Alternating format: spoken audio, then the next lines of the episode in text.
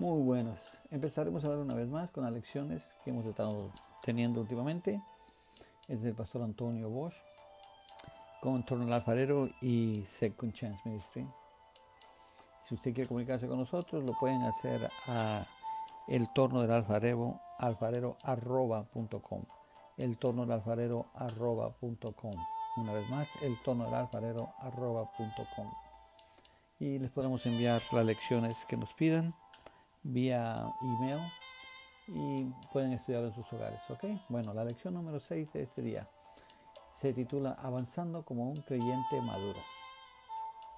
Avanzando como un creyente maduro. Así que es la manera que vamos a estar hablando. Y dice así, nosotros deseamos que usted entienda el indisputable valor de madurar y de madurar en las cosas de Dios. Una vez esto sea su meta más grande, entonces usted descubrirá una vida que avanza cada día llena de gozo, todos los días, con paz y autoridad sobre todas las circunstancias.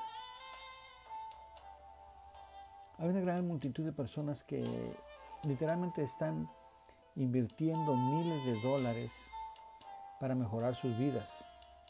Desafortunadamente, la mayoría no tienen el menor conocimiento de que Jesús ya pagó por ellos el, precio completo para que puedan obtener nueva y eterna vida. Mejorada, media mejorada. Sería sorprendente el tener estos medios monetarios que están siendo invertidos en estos métodos. Eh, eh, para ellos intentar a realizar una diferente imagen en sus vidas. Piensa en lo que podríamos hacer en el reino de Dios. Hay miles de libros en cómo ser feliz, ricos, amantes, eh, victoriosos y en fin, tantas cosas. Y así para cualquier tema que usted desee o que yo desee, se pueden imaginar. Millares, ¿verdad? En fin, con todos estos cambios aún dejan un libro más que leer. Siempre tienen que leer un libro. Salió un nuevo libro, tengo que leerlo. Tengo que leer ese libro, me, interesa leerlo, que se emocionan y están, eh, eh, esperando leer ese libro.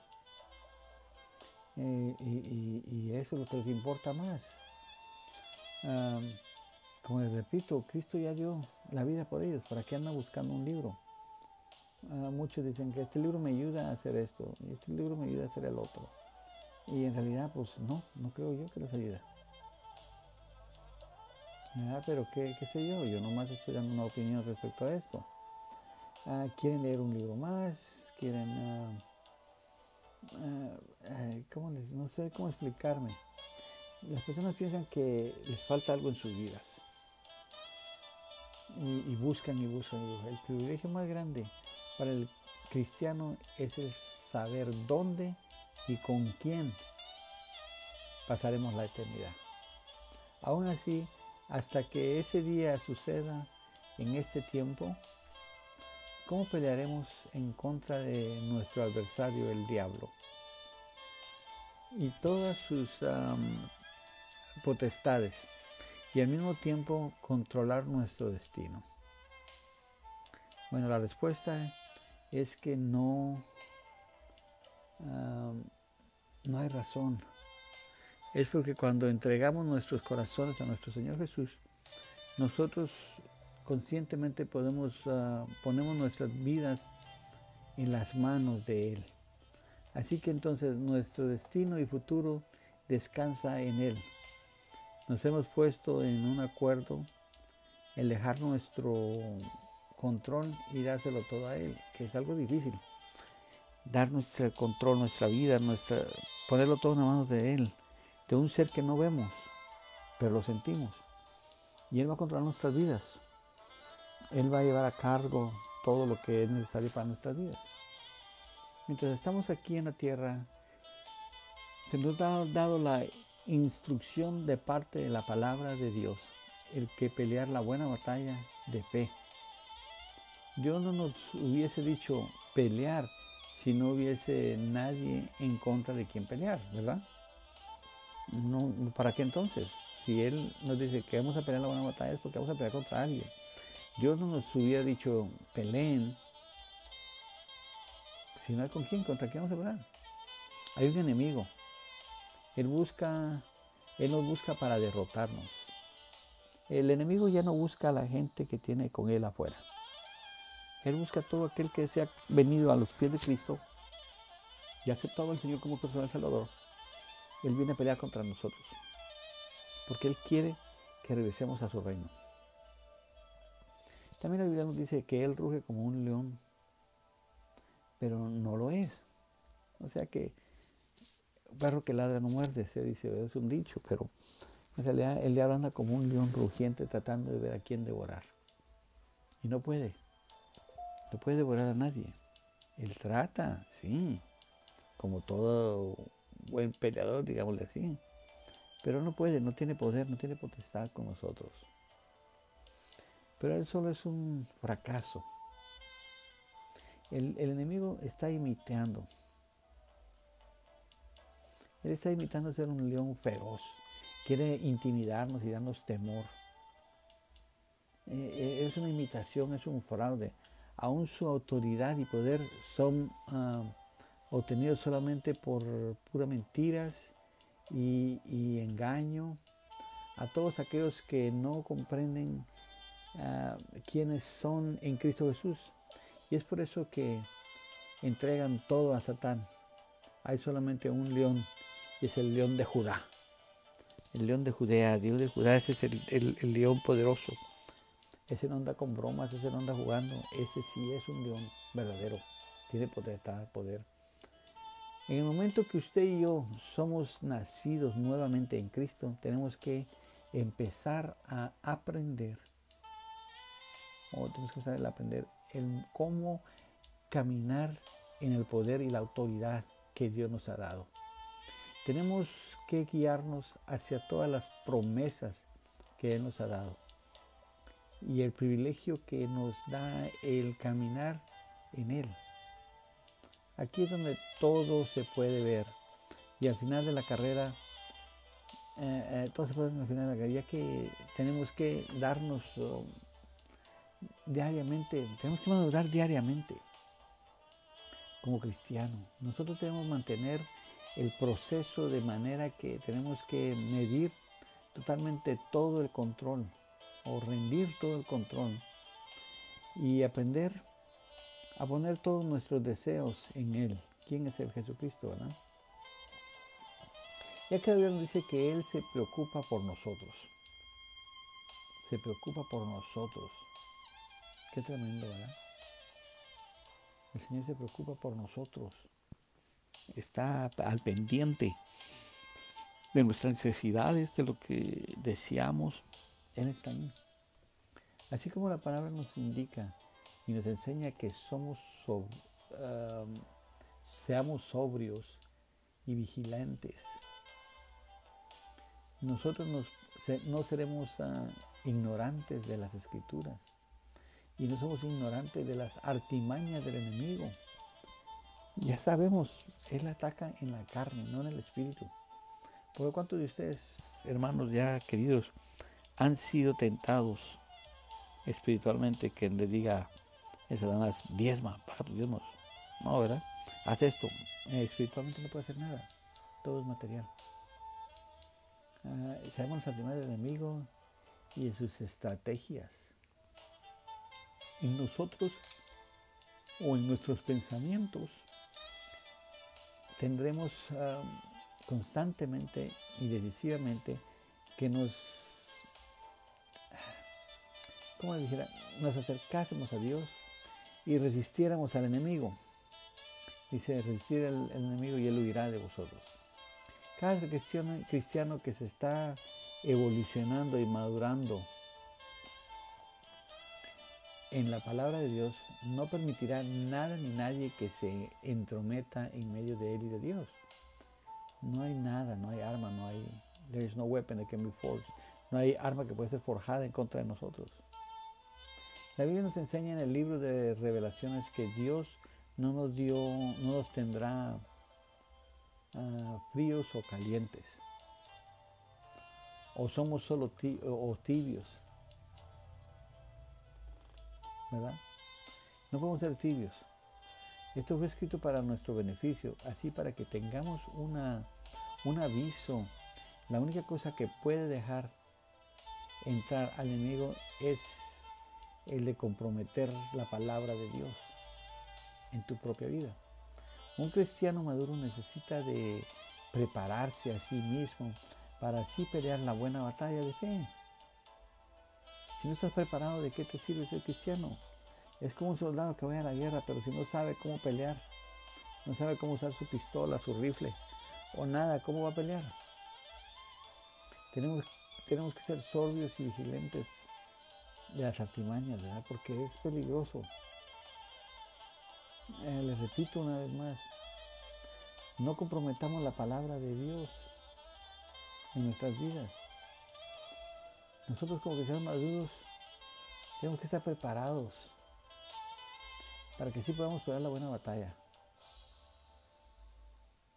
Tenemos que estar vigilantes de las artimañas y trucos del enemigo. No tenemos que vestir completamente con la armadura de Dios. Nos tenemos que vestir, mejor dicho, no. Nos tenemos que vestir completamente de la armadura de Dios y estar protegidos. Si nos damos cuenta, nos da toda la protección que necesitamos para el frente de nosotros nos da el escudo, nos da el, protector del pecho, nuestra, nuestra casco de salvación, todo nos da todo para protegernos claramente. Eh, nunca nos ganaba por la espalda, ¿por qué? Porque Él está con nosotros. Eh, deja que todas tus angustias sean puestas en Cristo, ya que Él es el único que se preocupa por nosotros y promete el cuidarnos fielmente. Ahora, si Él se preocupa, ¿por qué nosotros nos vamos a estar preocupando tanto, verdad? Vamos a ir al Primera de Pedro 5, 5 al 7. Y dice así, ustedes los más jóvenes sean sumisos a las autoridades de los ancianos. Traten de rivalizar en sencillez, humildad unos con otros, porque, número 6, humíllense, pues bajo la, la poderosa mano de Dios, para que, llegando el momento, es lo levante. Dios resiste a los orgullosos, pero da su gracia a los humildes. Depositen en Él todas sus preocupaciones pues Él cuida de ustedes. Él nos cuida. ¿De qué nos preocupamos? No tengo que comer. Él suplirá. No tengo cómo pagar mi renta. Él suplirá. Me van a cortar la luz. Él va a suplir. Muchas veces le pedimos, Señor, bendíceme. Necesito para, pagar la, la, renta. Necesito para que no me quite mi casa. Esto. Y le pedimos y nos lo da. Pero cuando nos lo dan, nos dan lo que pedimos solamente para pagar la renta. Y ahora, ¿cómo le hago para pagar la luz? No tengo para la comida. No, siempre que pide, pide más. Él te va a bendecir con abundancia. Él te va a dar lo que tú necesitas. Dice, yo supliré todas tus necesidades.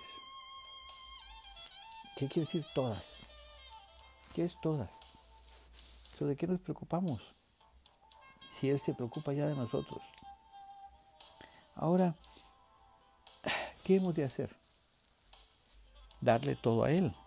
Decirle, Señor, aquí está mi problema, mi situación. Cubre y cumple mi, mi necesidad. Él prometió que Él suplirá todas. Dice que aunque andemos en el valle de sombra y de muerte, no temeré mal alguno. ¿Por qué no temerás? ¿Por qué? ¿Te has puesto a preguntar por qué? Bueno, yo te diré porque Él está contigo. Él suple tu necesidad. Amén. Vamos al Salmo 91, 1 al 16. Tú que habitas en el alparo del Altísimo y decides a la sombra del Omnipotente. Wow. Dile al Señor, diré al Señor, mi amparo, mi refugio, mi Dios, en quien yo pongo mi confianza. Confianza, yo la pongo en Dios, no en el hombre. Dios puede usar al hombre para bendecirte a ti, pero estás poniendo tu confianza en Dios, no en el hombre. No dependas lo que el hombre te puede dar. Yo he pasado por esas situaciones. Yo dejé de depender en lo que el hombre puede hacer por mí. Yo dependo de lo que Dios hace por mí. Amén. El número 3, 91.3. Él te librará del lazo del cazador y del azote de la desgracia. 4. Te cubrirá con sus plumas y hallarás bajo sus alas el refugio. Aleluya. El 5. No temerás los, ah, los miedos de la noche ni las flechas disparadas de día.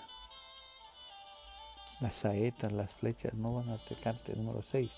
Ni la, par, ni la peste que avanza en las tinieblas ni la plaga que azota a pleno sol. Aunque caigan mil hombres a tu lado y diez mil a tu derecha, tú estarás fuera de peligro. Su lealtad será tu escudo y armadura. ¿Te imaginas? ¿Cómo queda bien esto ahora que en la situación que estamos pasando, verdad? En el 8, Basta que mires con tus ojos y verás cómo se le paga al impío. Pero tú dices, mi amparo es el Señor. Tú has hecho del Altísimo tu asilo. El 10. La desgracia no te alcanzará, ni la plaga se acercará a tu vida. Aleluya. 11. Pues a los ángeles les ha ordenado que te escondan te escolten en todos tus caminos, que van a tu lado contigo. En 12. En sus manos te habrá de sostener. En tus manos, sus manos Dios te tendrá, no te va a dejar ir. Te sostendrá para que no tropiece tu pie en ninguna piedra. El 13. Andarás sobre víboras y leones y, y pisarás cachorros y dragones. 14. Pues a mí se acogió, lo libraré, lo protegeré, pues mi nombre conoció. El 15. Si me invocara, yo le responderé, y en la angustia estaré junto a él, lo salvaré le rendiré honores. alargaré sus días como los días, ah, como lo desea. O sea que Él, los años que tú quieras, Él te los va a dar, te los va a cumplir. Y haré que pueda ver mi salvación, ¿se imagina?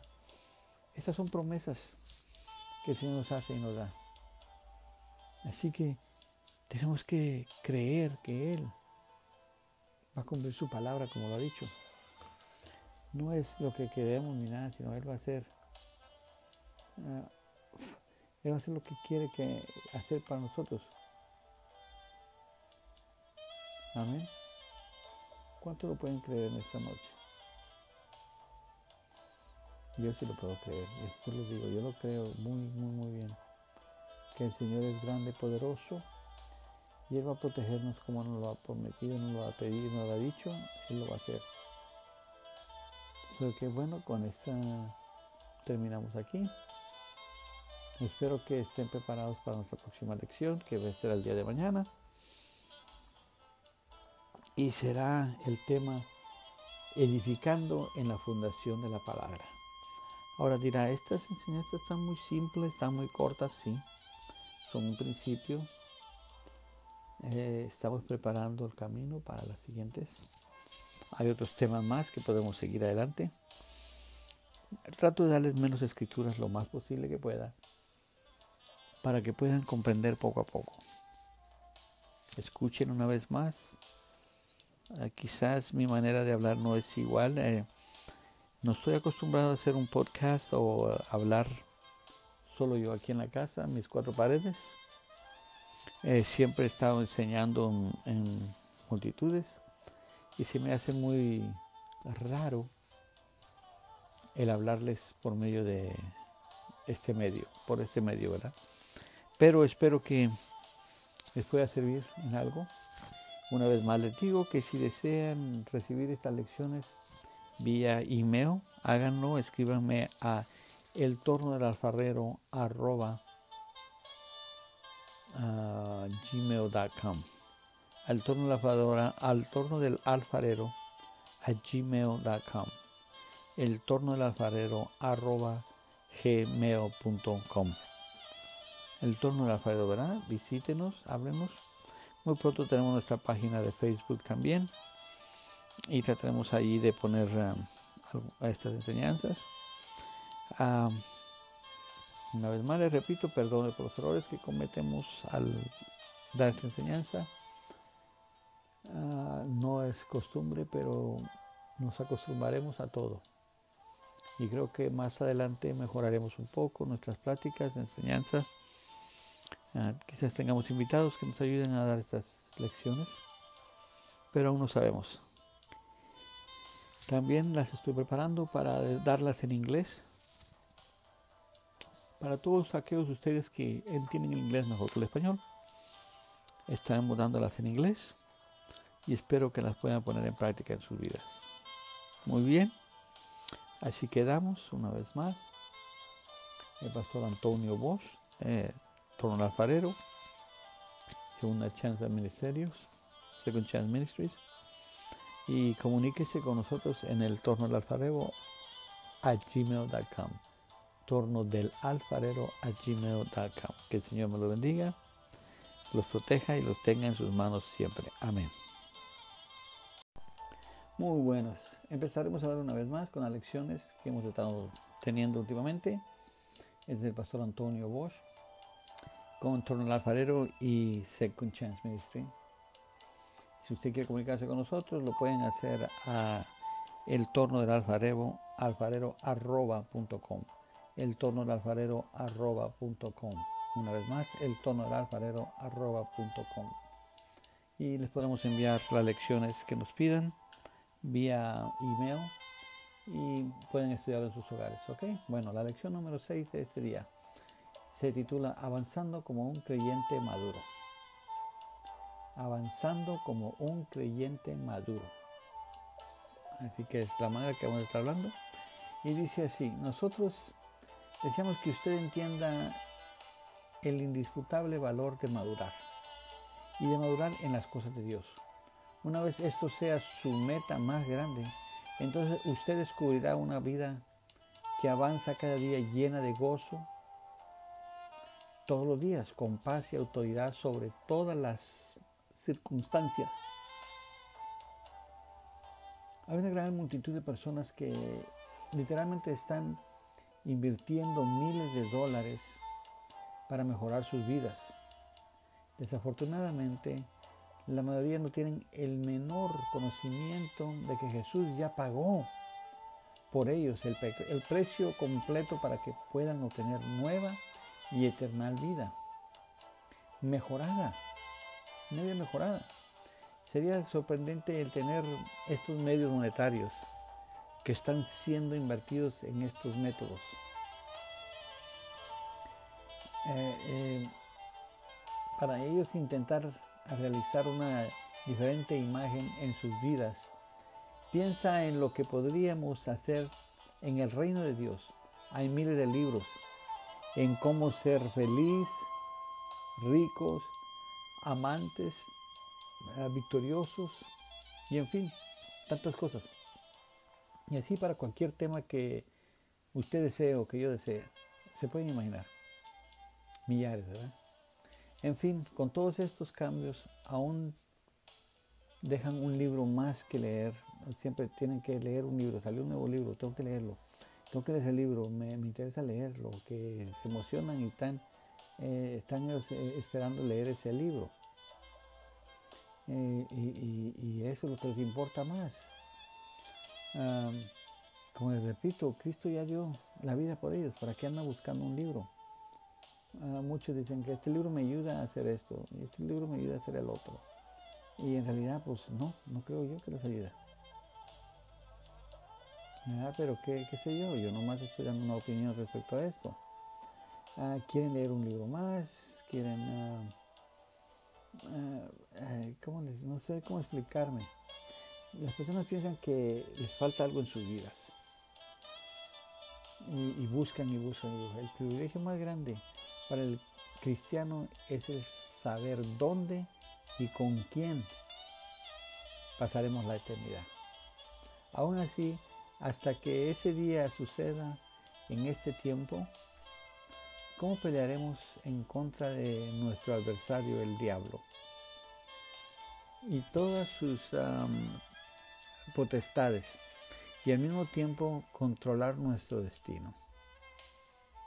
Bueno, la respuesta es que no, no hay razón es porque cuando entregamos nuestros corazones a nuestro Señor Jesús, nosotros conscientemente podemos, uh, ponemos nuestras vidas en las manos de Él. Así que entonces nuestro destino y futuro descansa en Él. Nos hemos puesto en un acuerdo en dejar nuestro control y dárselo todo a Él, que es algo difícil. Dar nuestro control, nuestra vida, nuestra, ponerlo todo en las manos de Él de un ser que no vemos, pero lo sentimos. Y Él va a controlar nuestras vidas. Él va a llevar a cargo todo lo que es necesario para nuestras vidas. Mientras estamos aquí en la tierra, se nos ha dado la instrucción de parte de la palabra de Dios, el que pelear la buena batalla de fe. Dios no nos hubiese dicho pelear si no hubiese nadie en contra de quien pelear, ¿verdad? no, ¿para qué entonces? Si Él nos dice que vamos a pelear la buena batalla es porque vamos a pelear contra alguien. Dios no nos hubiera dicho peleen, si no con quién, contra quién vamos a pelear. Hay un enemigo. Él busca, Él nos busca para derrotarnos. El enemigo ya no busca a la gente que tiene con Él afuera. Él busca a todo aquel que se ha venido a los pies de Cristo y ha aceptado al Señor como personal salvador él viene a pelear contra nosotros. Porque Él quiere que regresemos a su reino. También la Biblia nos dice que Él ruge como un león, pero no lo es. O sea que perro que ladra no muerde, se dice, es un dicho, pero en realidad el diablo anda como un león rugiente tratando de ver a quién devorar. Y no puede. No puede devorar a nadie. Él trata, sí, como todo buen peleador, digámosle así. Pero no puede, no tiene poder, no tiene potestad con nosotros. Pero él solo es un fracaso. El, enemigo está imitando. Él está imitando ser un león feroz. Quiere intimidarnos y darnos temor. Eh, eh, es una imitación, es un fraude. Aún su autoridad y poder son ah, obtenido solamente por puras mentiras y, engaño, a todos aquellos que no comprenden uh, quiénes son en Cristo Jesús. Y es por eso que entregan todo a Satán. Hay solamente un león y es el león de Judá. El león de Judea, Dios de Judá, ese es el, león poderoso. Ese no anda con bromas, ese no anda jugando, ese sí es un león verdadero. Tiene potestad, poder. En el momento que usted y yo somos nacidos nuevamente en Cristo, tenemos que empezar a aprender, o tenemos que aprender el cómo caminar en el poder y la autoridad que Dios nos ha dado. Tenemos que guiarnos hacia todas las promesas que Él nos ha dado y el privilegio que nos da el caminar en Él. Aquí es donde todo se puede ver.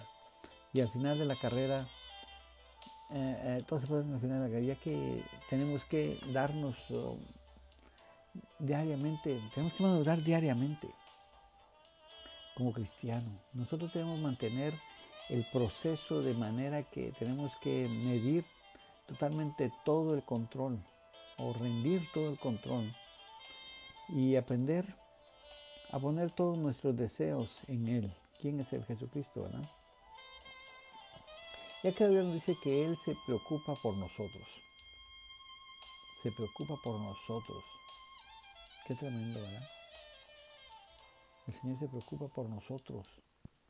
Está al pendiente de nuestras necesidades, de lo que deseamos. Él está ahí. Así como la palabra nos indica y nos enseña que somos seamos sobrios y vigilantes. Nosotros no seremos ah, ignorantes de las escrituras y no somos ignorantes de las artimañas del enemigo.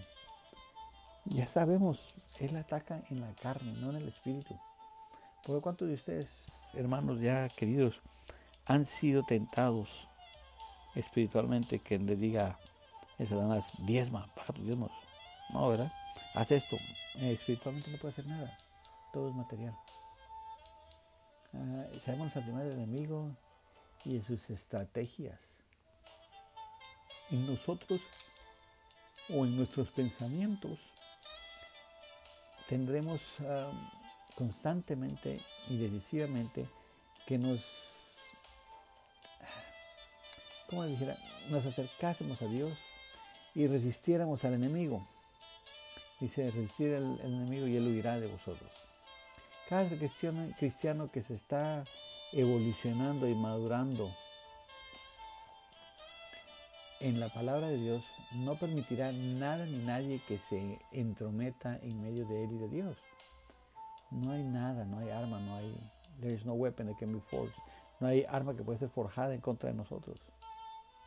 La Biblia nos enseña en el libro de Revelaciones que Dios no nos dio, no nos tendrá ah, fríos o calientes. O somos solo tibios ¿verdad? No podemos ser tibios. Esto fue escrito para nuestro beneficio, así para que tengamos un aviso. La única cosa que puede dejar entrar al enemigo es el de comprometer la palabra de Dios en tu propia vida. Un cristiano maduro necesita de prepararse a sí mismo para así pelear la buena batalla de fe. Si no estás preparado, ¿de qué te sirve ser cristiano? Es como un soldado que vaya a la guerra, pero si no sabe cómo pelear, no sabe cómo usar su pistola, su rifle o nada, ¿cómo va a pelear? Tenemos, tenemos que ser sorbios y vigilentes de las artimañas, ¿verdad? Porque es peligroso. Eh, les repito una vez más, no comprometamos la palabra de Dios en nuestras vidas. Nosotros como que seamos maduros tenemos que estar preparados para que sí podamos pelear la buena batalla. Tenemos que estar vigilantes de las artimañas y trucos del enemigo. No tenemos que vestir completamente con la armadura de Dios. Nos tenemos que vestir, mejor dicho, no. Nos tenemos que vestir completamente de la armadura de Dios y estar protegidos. Si nos damos cuenta, nos da toda la protección que necesitamos para el frente de nosotros. Nos da el escudo, nos da el, protector del pecho, nuestra, nuestra casco de salvación, todo nos da todo para protegernos claramente. Eh, nunca nos ganaba por la espalda. ¿Por qué? Porque Él está con nosotros. Eh, deja que todas tus angustias sean puestas en Cristo, ya que Él es el único que se preocupa por nosotros y promete el cuidarnos fielmente. Ahora, si Él se preocupa, ¿por qué nosotros no vamos a estar preocupando tanto, verdad? Vamos a ir al Primera de Pedro 5, 5 al 7. Y dice así, ustedes los más jóvenes, sean sumisos a las autoridades de los ancianos, Traten de rivalizar en sencillez, humildad unos con otros, porque, número 6, humíllense, pues bajo la, poderosa mano de Dios, para que, llegando el momento, es lo levante. Dios resiste a los orgullosos, pero da su gracia a los humildes. Depositen en Él todas sus preocupaciones, pues Él cuida de ustedes. Él nos cuida. ¿De qué nos preocupamos? No tengo que comer. Él suplirá. No tengo cómo pagar mi renta. Él suplirá. Me van a cortar la luz. Él va a suplir. Muchas veces le pedimos, Señor, bendíceme. Necesito para, pagar la, la, renta. Necesito para que no me quite mi casa. Eso. Y le pedimos y nos lo da. Pero cuando nos lo da, nos da lo que pedimos solamente para pagar la renta. ¿Y ahora cómo le hago para pagar la luz? No tengo para la comida. No, siempre que pide, pide más. Él te va a bendecir con abundancia. Él te va a dar lo que tú necesitas. Dice, yo supliré todas tus necesidades. ¿Qué quiere decir todas? ¿Qué es todas? ¿De qué nos preocupamos? Si Él se preocupa ya de nosotros. Ahora, ¿qué hemos de hacer? darle todo a Él. Decirle, Señor, aquí está mi problema, mi situación. Cubre y cumple mi, necesidad. Él prometió que Él suplirá todas. Dice que aunque andemos en el valle de sombra y de muerte, no temeré mal alguno. ¿Por qué no temerás? ¿Por qué? ¿Te has puesto a preguntar por qué? Bueno, yo te diré porque Él está contigo. Él suple tu necesidad. Amén. Vamos al Salmo 91, 1 al 16. Tú que habitas en el alparo del Altísimo y decides a la sombra del Omnipotente. Wow. Dile al Señor, diré al Señor, mi amparo, mi refugio, mi Dios, en quien yo pongo mi confianza confianza, yo la pongo en Dios, no en el hombre. Dios puede usar al hombre para bendecirte a ti, pero estás poniendo tu confianza en Dios, no en el hombre. No dependas lo que el hombre te puede dar. Yo he pasado por esas situaciones. Yo dejé de depender en lo que el hombre puede hacer por mí. Yo dependo de lo que Dios hace por mí. Amén. El número 3, 91.3. Él te librará del lazo del cazador y del azote de la desgracia. 4. Te cubrirá con sus plumas y hallarás bajo sus alas el refugio. Aleluya. El 5. No temerás los, ah, los miedos de la noche ni las flechas disparadas de día. Las saetas, las flechas no van a atacarte. Número 6. Ni ni la peste que avanza en las tinieblas, ni la plaga que azota a pleno sol. Aunque caigan mil hombres a tu lado y diez mil a tu derecha, tú estarás fuera de peligro su lealtad será tu escudo y armadura. ¿Te imaginas? ¿Cómo queda bien esto ahora que en la situación que estamos pasando, verdad? En el 8. Basta que mires con tus ojos y verás cómo se le paga al impío. Pero tú dices, mi amparo es el Señor.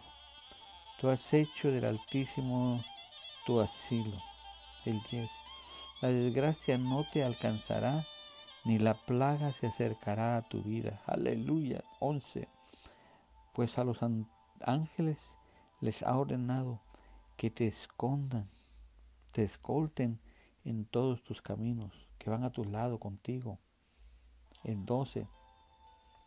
En sus manos te habrá de sostener. En tus manos, sus manos Dios te tendrá, no te va a dejar ir. Él te sostendrá para que no tropiece tu pie en ninguna piedra. El 13. Andarás sobre víboras y leones y, y pisarás cachorros y dragones. 14. Pues a mí se acogió, lo libraré, lo protegeré, pues mi nombre conoció. El 15. Si me invocara, yo le responderé, y en la angustia estaré junto a él. Lo salvaré, le rendiré honores. alargaré sus días como los días, ah, como lo desea. O sea que Él, los años que tú quieras, Él te los va a dar, te los va a cumplir. Y haré que pueda ver mi salvación, ¿se imagina? Estas son promesas que el Señor nos hace y nos da. Así que tenemos que creer que Él va a cumplir su palabra como lo ha dicho. No es lo que queremos ni nada, sino Él va a hacer. Ah, él va a hacer lo que quiere que hacer para nosotros. Amén. ¿Cuánto lo pueden creer en esta noche? Yo sí lo puedo creer, eso lo digo, yo lo creo muy, muy, muy bien. Que el Señor es grande, poderoso, y Él va a protegernos como nos lo ha prometido, nos lo ha pedido, nos lo ha dicho, Él lo va a hacer. Así que bueno, con esta terminamos aquí. Espero que estén preparados para nuestra próxima lección, que va a ser el día de mañana. Y será el tema edificando en la fundación de la palabra. Ahora dirá, estas enseñanzas están muy simples, están muy cortas, sí. Son un principio. Eh, estamos preparando el camino para las siguientes.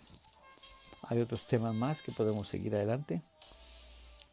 Trato de darles menos escrituras lo más posible que pueda para que puedan comprender poco a poco. Escuchen una vez más.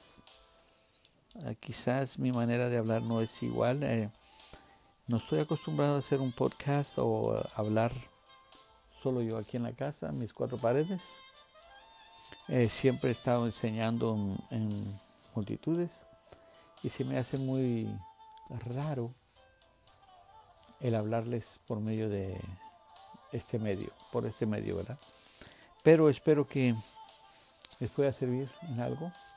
Una vez más les digo que si desean recibir estas lecciones, vía email, háganlo, escríbanme a el torno del alfarero arroba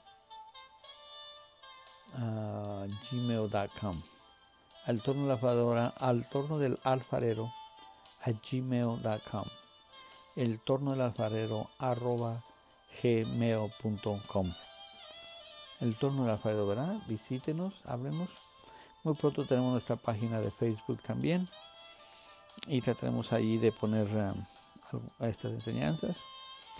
una vez más les repito, perdone por los errores que cometemos al dar esta enseñanza.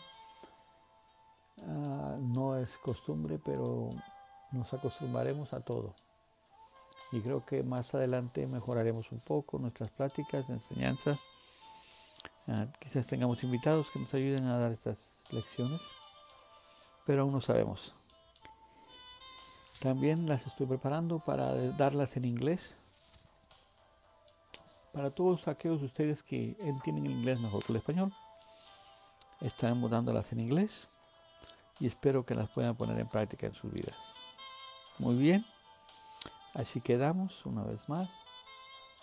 El pastor Antonio Bosch, eh, Torno Alfarero, Segunda Chance Ministerios, Second Chance Ministries y comuníquese con nosotros en el torno del alfarero a gmail.com. Torno del alfarero a gmail.com. Que el Señor me lo bendiga, los proteja y los tenga en sus manos siempre. Amén.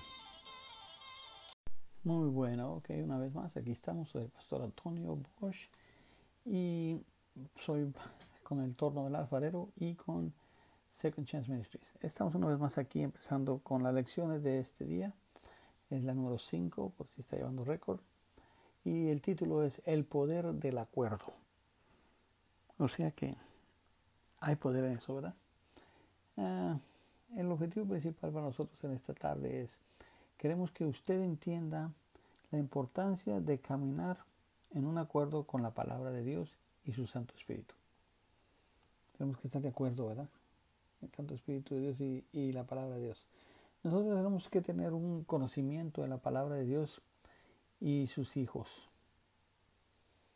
Y siendo sus hijos, ¿verdad? Tenemos que tener nosotros ese conocimiento y reconocer completamente que en orden de caminar juntos con Él, tiene que existir un acuerdo entre nosotros, entre usted y yo y, el Señor.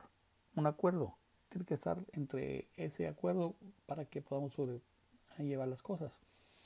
Y tenemos que ser obedientes, ¿verdad? Pero tenemos que llevar esto, un acuerdo. Si se encuentra un desacuerdo entre dos personas, no puede uno avanzar hacia la meta que no que uno ha preparado. O sea que tienes una meta. Y si no estamos de acuerdo, no podemos avanzar, no podemos llegar a ningún lugar.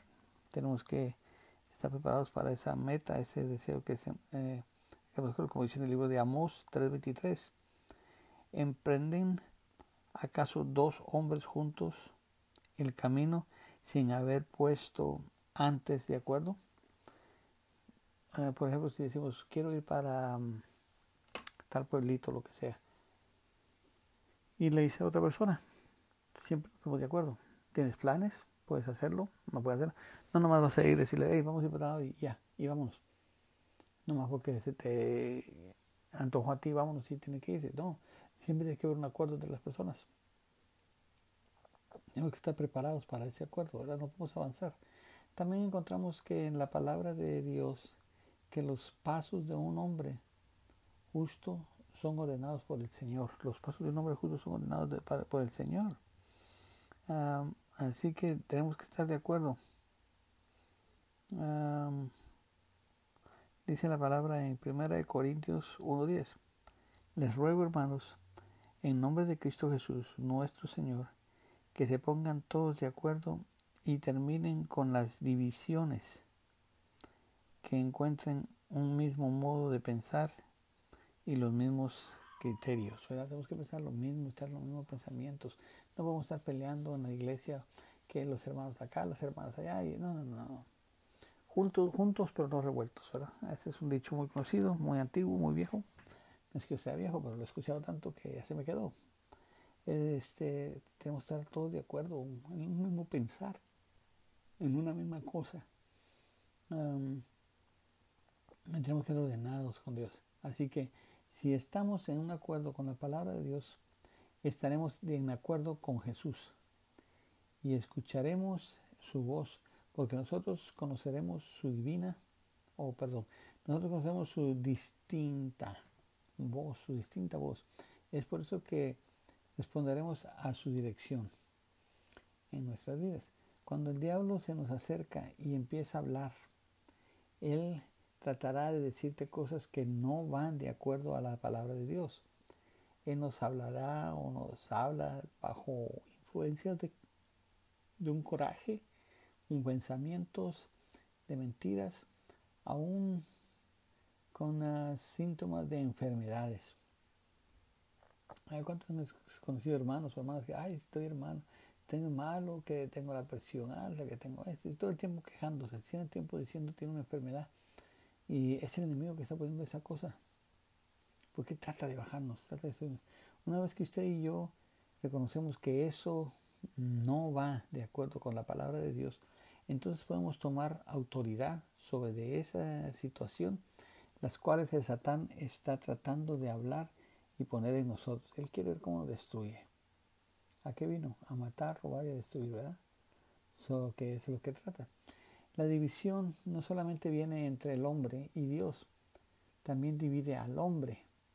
Esto es una de las herramientas o armas del enemigo, las cuales están causando división y pleitos en las iglesias y en los matrimonios. y mucho en los matrimonios y las iglesias. En la iglesia pues se levanta uno y dice, no, que el pastor no, no me habló, no me saludó, que el pastor me dijo esto, el otro. Ah, en el matrimonio es que mujer tú me encelas mucho, es que hombre tú me encelas mucho. Y que es que así soy yo, a mí me gusta ser amistoso, que no, no, no, son excusas, ¿verdad? El enemigo nos trata de separar, suele buscar cualquier cosita para hacernos estar divididos y pleiteados y, y separados, ¿verdad? Todos tenemos el derecho de nuestra propia opinión, o, a poco no, siempre y cuando sea alineada conforme a la palabra de Dios. No va a ser una opinión, ah, pues yo pienso esto y es todo. No, tiene que ser alineada con las cosas de Dios donde dos o más están de acuerdo o en un acuerdo, nunca podrá haber un, uh, ¿cómo le voy a decir? Si dos o más están en desacuerdo, perdón, eh, que no están de acuerdo en las cosas, que nunca podrán haber un acuerdo, porque uno está pensando una cosa, otro otra cosa, y en realidad nunca se pone de acuerdo. Tiene que estar un acuerdo con la palabra de Dios. La visión de Dios para el hogar y la iglesia son las mismas, las mismas. Así que debemos que estar en acuerdo si deseamos las bendiciones de Dios en esas ah, áreas de nuestra vida. Cuando usted y yo caminamos en desacuerdo con la palabra de Dios, entonces nuestra confesión no está alineada tampoco. Así que si nuestra confesión está desalineada fuera del plomo esto le da el Evangelio que tenga acceso a nuestro territorio, le da al enemigo para que lo entrar a nuestro territorio, para que llegue y empiece a hacer guerra. Ah, porque él puede meterse porque no estamos de acuerdo. Es el acuerdo que tenemos con la palabra de Dios que establece una impenetrable herrera o barrera, perdón, en contra del enemigo y sus agentes.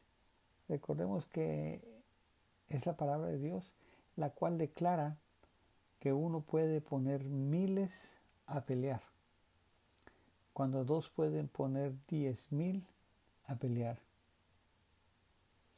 ¿Se imagina? Podemos eh, em, declarar que solo uno dice puede poner mil a pelear, cuando dos pueden poner diez mil a pelear. Imaginemos que qué fuerte e unificada la iglesia podría ser cuando todos están en un solo acuerdo con la palabra de Dios. Ahora, ah, la unción de Dios ah, fluye en cualquier instante, cuando se encuentra unidad entre todos.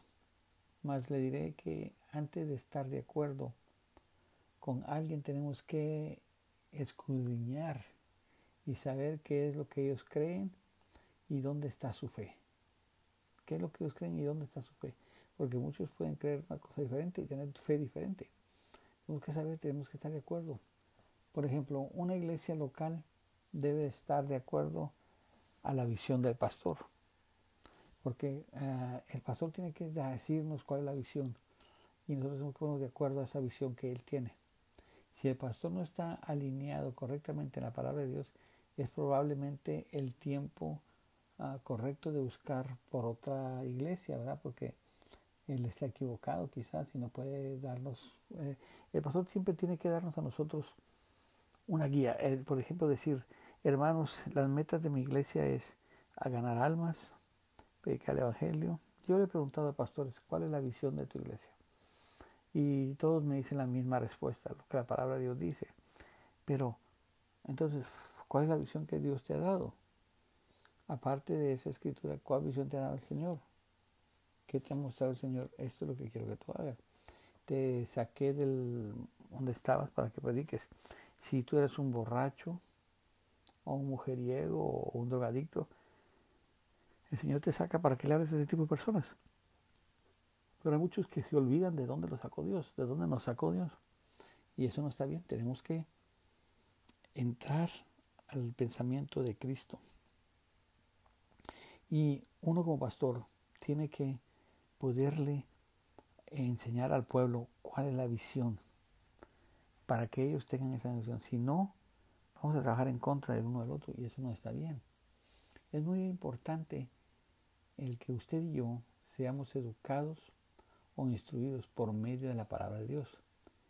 Y, ser instruidos es como él, como él piensa. La Biblia nos enseña que tenemos que ponernos la mente de Jesucristo y si deseamos de eh, y si debemos de ponernos la mente de Cristo, entonces tendremos que ponernos en un acuerdo y en un acuerdo con Él. Es importante que nosotros seamos ah, singulares con la mente de nuestro Señor Jesucristo.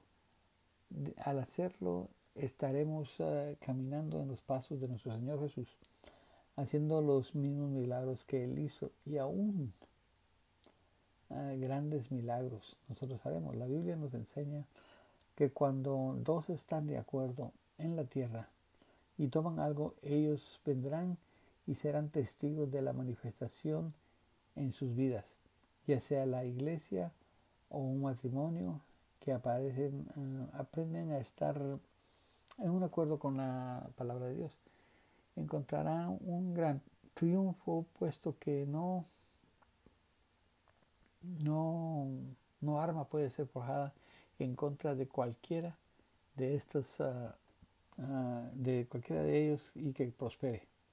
No hay ni un arma, nada, nada, lo siento mucho, pero muchos dirán, no, es que es difícil y, nada, nada, nada, no hay nada ni nadie que nos pueda separar. Dice que, que nos separará el amor de Dios.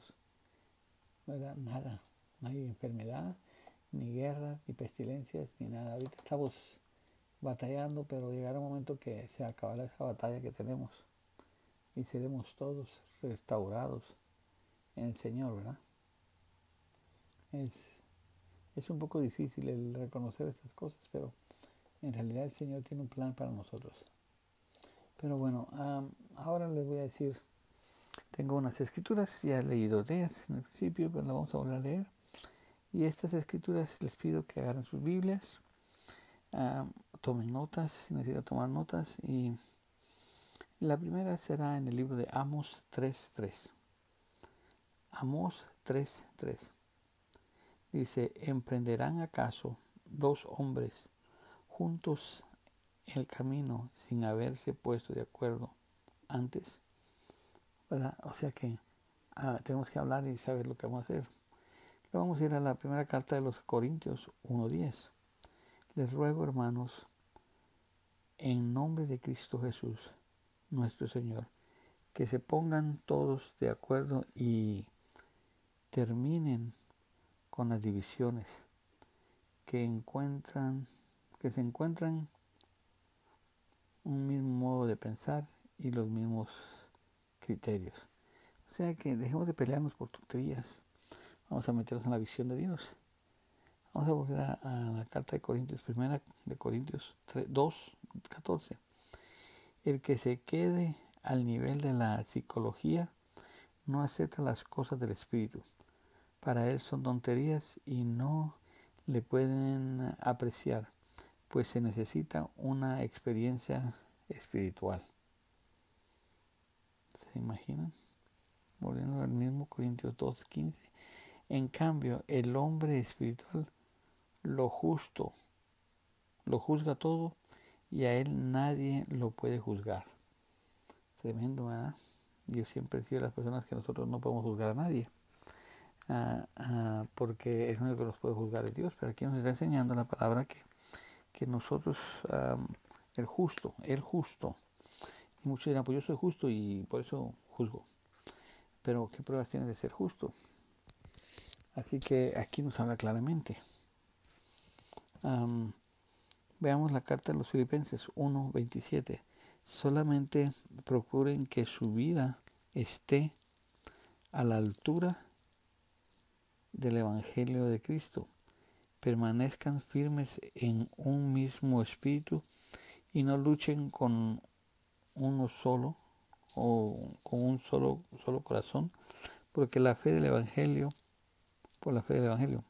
Ojalá pues Ojalá pueda comprobar si, hoy, si voy donde ustedes y si no voy, queda al menos oírlo.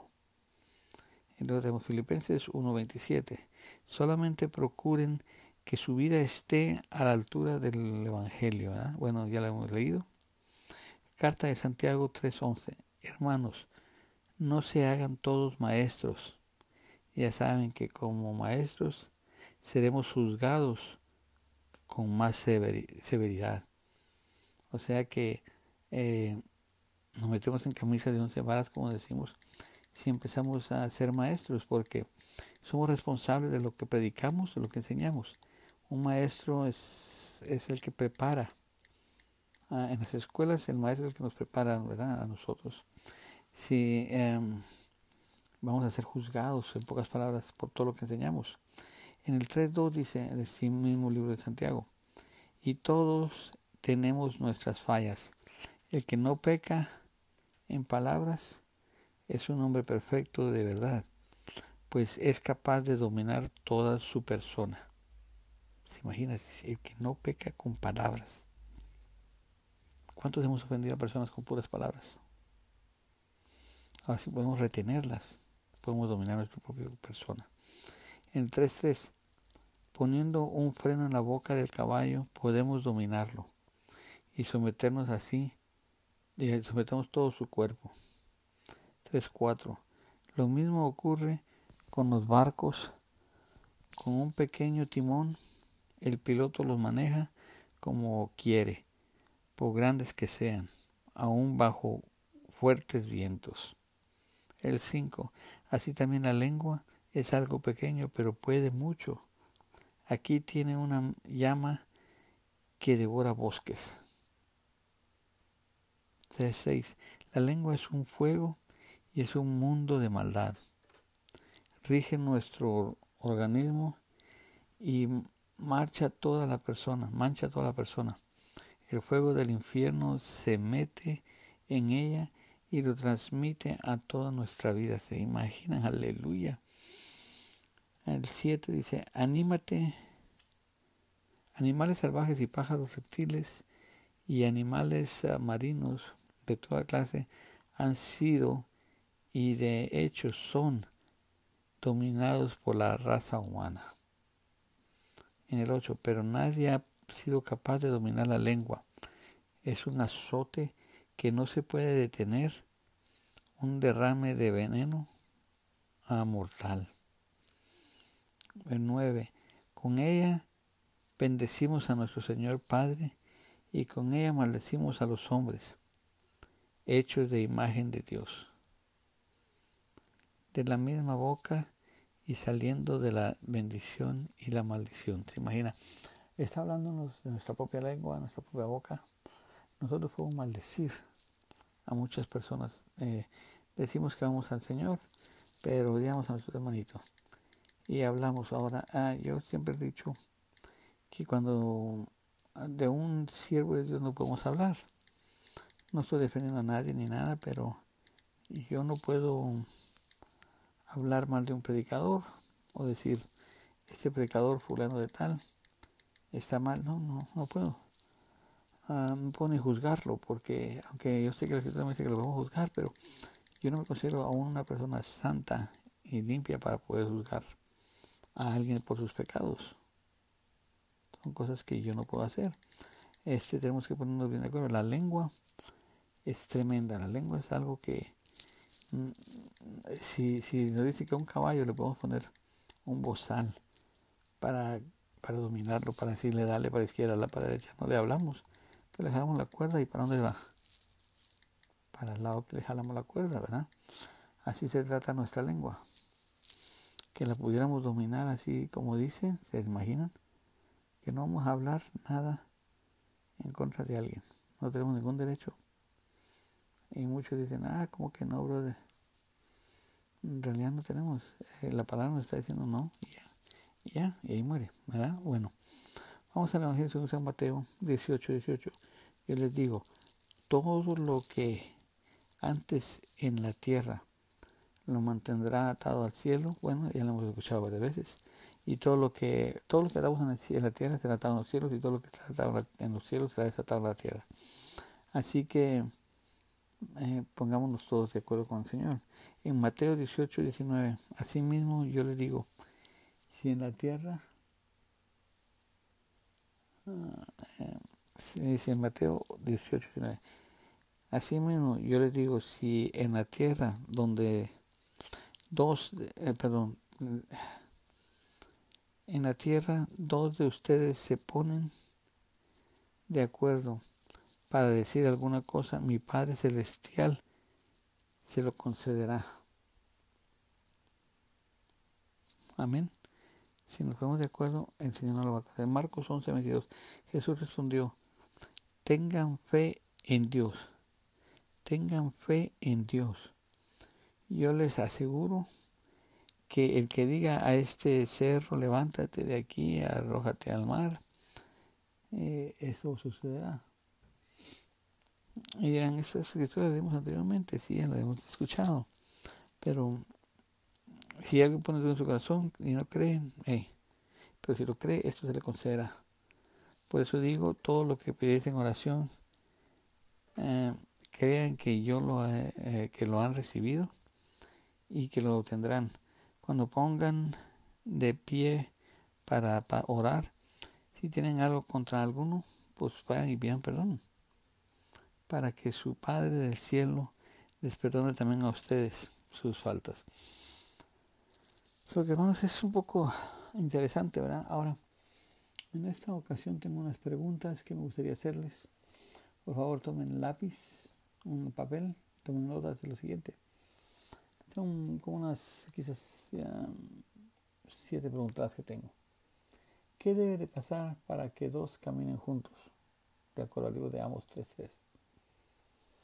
¿Qué debe de pasar para que dos caminen juntos?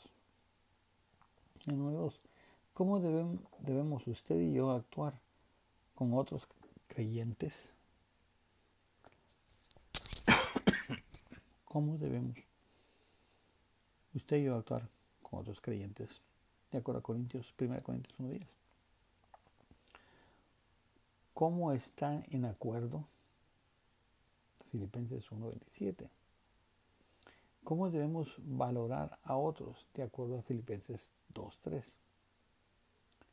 ¿Cuál es la razón por la cual debemos controlar nuestra lengua?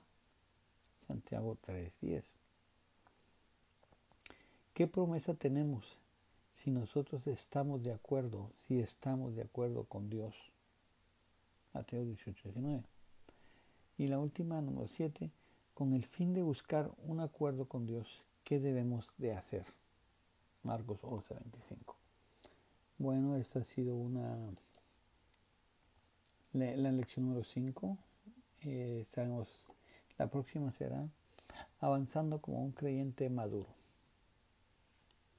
Eh, estaremos preparando esta lección y nos entendemos con ustedes. Esperamos que se gocen, les gusten las enseñanzas que hemos estado pasando con ustedes últimamente y las puedan poner en prácticas. Una vez más, soy el pastor Antonio Bosch el torno alfarero y de Second Chance Ministries. Me pueden encontrar en el correo electrónico por si quieren estas clases. Se las puedo mandar electrónicamente. en el torno del alfarero at gmail.com. Torno del alfarero at gmail.com. Torno del alfarero arroba gmail.com. Espero escuchar de parte de ustedes si les están sirviendo estas enseñanzas y si pueden entender lo que estoy tratando de darles a entender, a conocer la palabra de Dios. Una vez más, que el Señor me los bendiga y muy pronto nos veremos. Bye. Muy bueno, ok, una vez más, aquí estamos, soy el pastor Antonio Bosch y soy con el torno del alfarero y con Second Chance Ministries. Estamos una vez más aquí empezando con las lecciones de este día es la número 5, por si está llevando récord. Y el título es El poder del acuerdo. O sea que hay poder en eso, ¿verdad? Ah, el objetivo principal para nosotros en esta tarde es, queremos que usted entienda la importancia de caminar en un acuerdo con la palabra de Dios y su Santo Espíritu. Tenemos que estar de acuerdo, ¿verdad? El Santo Espíritu de Dios y, la palabra de Dios. Nosotros tenemos que tener un conocimiento de la palabra de Dios y sus hijos. eh, siendo sus hijos, ¿verdad? Tenemos que tener nosotros ese conocimiento y reconocer completamente que en orden de caminar juntos con Él, tiene que existir un acuerdo entre nosotros, entre usted y yo y, el Señor. Un acuerdo. Tiene que estar entre ese acuerdo para que podamos sobre, llevar las cosas. Y tenemos que ser obedientes, ¿verdad? Pero tenemos que llevar esto, un acuerdo. Si se encuentra un desacuerdo entre dos personas, no puede uno avanzar hacia la meta que no que uno ha preparado. O sea que tienes una meta. Y si no estamos de acuerdo, no podemos avanzar, no podemos llegar a ningún lugar. Tenemos que estar preparados para esa meta, ese deseo que se, eh, como dice en el libro de Amós 3:23. ¿Emprenden acaso dos hombres juntos el camino sin haber puesto antes de acuerdo? Eh, por ejemplo, si decimos, quiero ir para um, tal pueblito, lo que sea, y le dice a otra persona, siempre estamos de acuerdo, ¿tienes planes? ¿Puedes hacerlo? ¿No puedes hacerlo? No, nomás vas a ir y decirle, hey, vamos a ir para y ya, y vámonos. Nomás porque se te antojó a ti, vámonos y tiene que irse. No, siempre tiene que haber un acuerdo entre las personas. Tenemos que estar preparados para ese acuerdo, ¿verdad? No podemos avanzar. También encontramos que en la palabra de Dios, que los pasos de un hombre justo son ordenados por el Señor. Los pasos de un hombre justo son ordenados por el Señor. así que tenemos que estar de acuerdo. dice la palabra en 1 Corintios 1.10. Les ruego, hermanos, en nombre de Cristo Jesús, nuestro Señor, que se pongan todos de acuerdo y terminen con las divisiones, encuentren un mismo modo de pensar y los mismos criterios. Tenemos que pensar lo mismo, estar los mismos pensamientos. No podemos estar peleando en la iglesia que los hermanos acá, las hermanas allá. Y, no, no, no. Juntos, juntos pero no revueltos. ¿verdad? Este es un dicho muy conocido, muy antiguo, muy viejo. Es que sea viejo, pero lo he escuchado tanto que ya se me quedó. Este, tenemos que estar todos de acuerdo en un mismo pensar, en una misma cosa. Tenemos que ser ordenados con Dios. Así que si estamos en un acuerdo con la palabra de Dios, estaremos en acuerdo con Jesús y escucharemos su voz, porque nosotros conoceremos su divina, o perdón, nosotros conocemos su distinta voz, su distinta voz. Es por eso que responderemos a su dirección en nuestras vidas. Cuando el diablo se nos acerca y empieza a hablar, él tratará de decirte cosas que no van de acuerdo a la palabra de Dios. Él nos hablará o nos habla bajo influencias de, un coraje, un pensamientos de mentiras, aún con síntomas de enfermedades. Hay cuántos han conocido hermanos o hermanas que, ay, estoy hermano, tengo malo, que tengo la presión alta, que tengo esto, y todo el tiempo quejándose, todo el tiempo diciendo tiene una enfermedad. Y es el enemigo que está poniendo esa cosa. Porque trata de bajarnos, trata de Una vez que usted y yo reconocemos que eso no va de acuerdo con la palabra de Dios, entonces podemos tomar autoridad sobre de esa situación, las cuales el Satán está tratando de hablar y poner en nosotros. Él quiere ver cómo destruye. ¿A qué vino? A matar, robar y a destruir, ¿verdad? Eso que es lo que trata. La división no solamente viene entre el hombre y Dios, también divide al hombre. Esto es una de las herramientas o armas del enemigo, las cuales están causando división y pleitos en las iglesias y en los matrimonios, y mucho en los matrimonios y las iglesias. En la iglesia pues se levanta uno y dice, no, que el pastor no, no me habló, no me saludó, que el pastor me dijo esto, el otro. Ah, en el matrimonio es que mujer tú me encelas mucho. Es que hombre tú me encelas mucho. Y que es que así soy yo, a mí me gusta ser amistoso. Que no, no, no, son excusas, ¿verdad?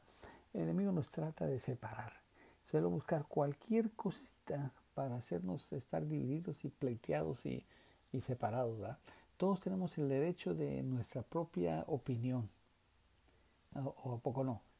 Siempre y cuando sea alineada conforme a la palabra de Dios. No va a ser una opinión, ah, pues yo pienso esto y es todo. No, tiene que ser alineada con las cosas de Dios. Donde dos o más están de acuerdo o en un acuerdo, nunca podrá haber un, uh, ¿cómo le voy a decir? Si dos o más están en desacuerdo, perdón, eh, que no están de acuerdo en las cosas, que nunca podrán haber un acuerdo, porque todo, uno está pensando una cosa, otro otra cosa, y en realidad nunca se pone de acuerdo. Tiene que estar un acuerdo con la palabra de Dios. La visión de Dios para el hogar y la iglesia son las mismas, las mismas. Así que debemos que estar en acuerdo si deseamos las bendiciones de Dios en esas ah, áreas de nuestra vida. Cuando usted y yo caminamos en desacuerdo con la palabra de Dios, entonces nuestra confesión no está alineada tampoco. Así que si nuestra confesión está desalineada fuera del plomo, esto le da el Evangelio que tenga acceso a nuestro territorio, le da al enemigo para que luego entre a nuestro territorio, para que llegue y empiece a hacer guerra. Ah, porque él puede meterse porque no estamos de acuerdo. Es el acuerdo que tenemos con la palabra de Dios que establece una impenetrable herrera o barrera, perdón, en contra del enemigo y sus agentes. Recordemos que es la palabra de Dios la cual declara que uno puede poner miles a pelear, cuando dos pueden poner diez mil a pelear. ¿Se imagina? Podemos eh, em, declarar que solo uno dice puede poner mil a pelear, cuando dos pueden poner diez mil a pelear. Imaginemos que qué fuerte e unificada la iglesia podría ser cuando todos están en un solo acuerdo con la palabra de Dios.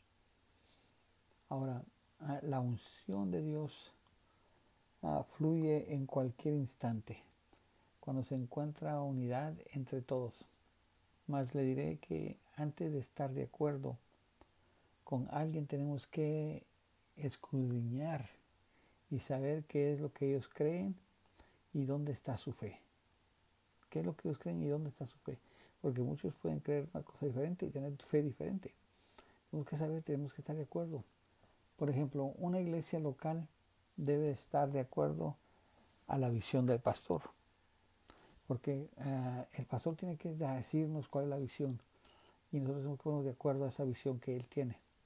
Si el pastor no está alineado correctamente en la palabra de Dios, es probablemente el tiempo Ah, correcto de buscar por otra iglesia, ¿verdad? Porque él está equivocado quizás y no puede darnos... Eh, el pastor siempre tiene que darnos a nosotros una guía. Eh, por ejemplo, decir, hermanos, las metas de mi iglesia es a ganar almas, predicar el Evangelio. Yo le he preguntado a pastores, ¿cuál es la visión de tu iglesia? Y todos me dicen la misma respuesta, lo que la palabra de Dios dice. Pero, entonces, ¿cuál es la visión que Dios te ha dado? aparte de esa escritura, ¿cuál visión te ha dado el Señor? ¿Qué te ha mostrado el Señor? Esto es lo que quiero que tú hagas. Te saqué del donde estabas para que prediques. Si tú eres un borracho o un mujeriego o un drogadicto, el Señor te saca para que le hables ese tipo de personas. Pero hay muchos que se olvidan de dónde lo sacó Dios, de dónde nos sacó Dios. Y eso no está bien. Tenemos que entrar al pensamiento de Cristo. Y uno como pastor tiene que poderle enseñar al pueblo cuál es la visión para que ellos tengan esa visión. Si no, vamos a trabajar en contra del uno del otro y eso no está bien. Es muy importante el que usted y yo seamos educados o instruidos por medio de la palabra de Dios. Y, ser instruidos es como él, como él piensa. La Biblia nos enseña que tenemos que ponernos la mente de Jesucristo y si deseamos de eh, y si debemos de ponernos la mente de Cristo, entonces tendremos que ponernos en un acuerdo y en un acuerdo con Él. Es importante que nosotros seamos ah, singulares con la mente de nuestro Señor Jesucristo. al hacerlo estaremos uh, caminando en los pasos de nuestro Señor Jesús, haciendo los mismos milagros que Él hizo y aún uh, grandes milagros nosotros haremos. La Biblia nos enseña que cuando dos están de acuerdo en la tierra y toman algo, ellos vendrán y serán testigos de la manifestación en sus vidas, ya sea la iglesia o un matrimonio que aparecen, uh, aprenden a estar en un acuerdo con la palabra de Dios. Encontrarán un gran triunfo puesto que no, no, no arma puede ser forjada en contra de cualquiera de estos, uh, uh, de cualquiera de ellos y que prospere. No hay ni un arma, nada, nada. Lo siento mucho, pero muchos dirán, no, es que es difícil y, y nada, nada, nada, no hay nada ni nadie que nos pueda separar, dice que, que nos separará el amor de Dios. Nada, no hay enfermedad, ni guerra, ni pestilencias, ni nada. Ahorita estamos batallando, pero llegará un momento que se acabará esa batalla que tenemos y seremos todos restaurados en el Señor, ¿verdad? Es, es un poco difícil el reconocer estas cosas, pero en realidad el Señor tiene un plan para nosotros. Pero bueno, ahora les voy a decir, tengo unas escrituras, ya he leído de ellas en el principio, pero las vamos a volver a leer. Y estas escrituras les pido que agarren sus Biblias, tomen notas, si necesitan tomar notas. Y la primera será en el libro de Amos 3.3. Amos 3.3. Dice, ¿emprenderán acaso dos hombres juntos el camino sin haberse puesto de acuerdo antes. O sea que ah, tenemos que hablar y saber lo que vamos a hacer. Luego vamos a ir a la primera carta de los Corintios 1.10. Les ruego, hermanos, en nombre de Cristo Jesús, nuestro Señor, que se pongan todos de acuerdo y terminen con las divisiones que encuentran, que se encuentran un mismo modo de pensar y los mismos criterios. O sea que dejemos de pelearnos por tonterías. Vamos a meternos en la visión de Dios. Vamos a volver a, la carta de Corintios, primera de Corintios 3, 2, 14. El que se quede al nivel de la psicología no acepta las cosas del espíritu. Para él son tonterías y no le pueden apreciar pues se necesita una experiencia espiritual. ¿Se imaginan? Volviendo al mismo Corintios 2.15. En cambio, el hombre espiritual, lo justo, lo juzga todo y a él nadie lo puede juzgar. Tremendo, ¿verdad? Yo siempre digo a las personas que nosotros no podemos juzgar a nadie. Ah, ah, porque el único que nos puede juzgar es Dios, pero aquí nos está enseñando la palabra que que nosotros, el justo, el justo, y muchos dirán, pues yo soy justo y por eso juzgo. Pero ¿qué pruebas tiene de ser justo? Así que aquí nos habla claramente. veamos la carta de los Filipenses 1.27. Solamente procuren que su vida esté a la altura del Evangelio de Cristo. Permanezcan firmes en un mismo espíritu y no luchen con uno solo o con un solo, solo corazón, porque la fe del Evangelio, por la fe del Evangelio, ojalá pues, ojalá pueda ah, comprobar si, hoy, si voy donde ustedes y si no voy, queda al menos oírlo. Entonces tenemos Filipenses 1.27. Solamente procuren que su vida esté a la altura del Evangelio. Bueno, ya lo hemos leído. Carta de Santiago 3.11. Hermanos, no se hagan todos maestros. Ya saben que como maestros seremos juzgados con más severidad. O sea que eh, nos metemos en camisa de once varas, como decimos, si empezamos a ser maestros, porque somos responsables de lo que predicamos, de lo que enseñamos. Un maestro es, es el que prepara Ah, en las escuelas el maestro es el que nos prepara ¿verdad? a nosotros. Si em, vamos a ser juzgados, en pocas palabras, por todo lo que enseñamos. En el 3.2 dice, en el mismo libro de Santiago, y todos tenemos nuestras fallas. El que no peca en palabras es un hombre perfecto de verdad, pues es capaz de dominar toda su persona. ¿Se imagina? El que no peca con palabras. ¿Cuántos hemos ofendido a personas con puras palabras? Ahora sí podemos retenerlas, podemos dominar nuestra propia persona. En el 3.3, poniendo un freno en la boca del caballo, podemos dominarlo y someternos así, y sometemos todo su cuerpo. 3.4. Lo mismo ocurre con los barcos. Con un pequeño timón, el piloto los maneja como quiere, por grandes que sean, aún bajo fuertes vientos. El 5. Así también la lengua es algo pequeño, pero puede mucho. Aquí tiene una llama que devora bosques. 3.6. La lengua es un fuego y es un mundo de maldad. Rige nuestro organismo y marcha toda la persona, mancha toda la persona. El fuego del infierno se mete en ella y lo transmite a toda nuestra vida. ¿Se imaginan? Aleluya.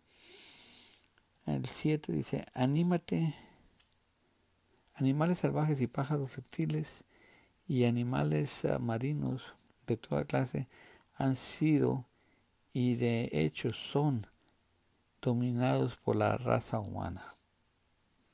En el 8, pero nadie ha sido capaz de dominar la lengua.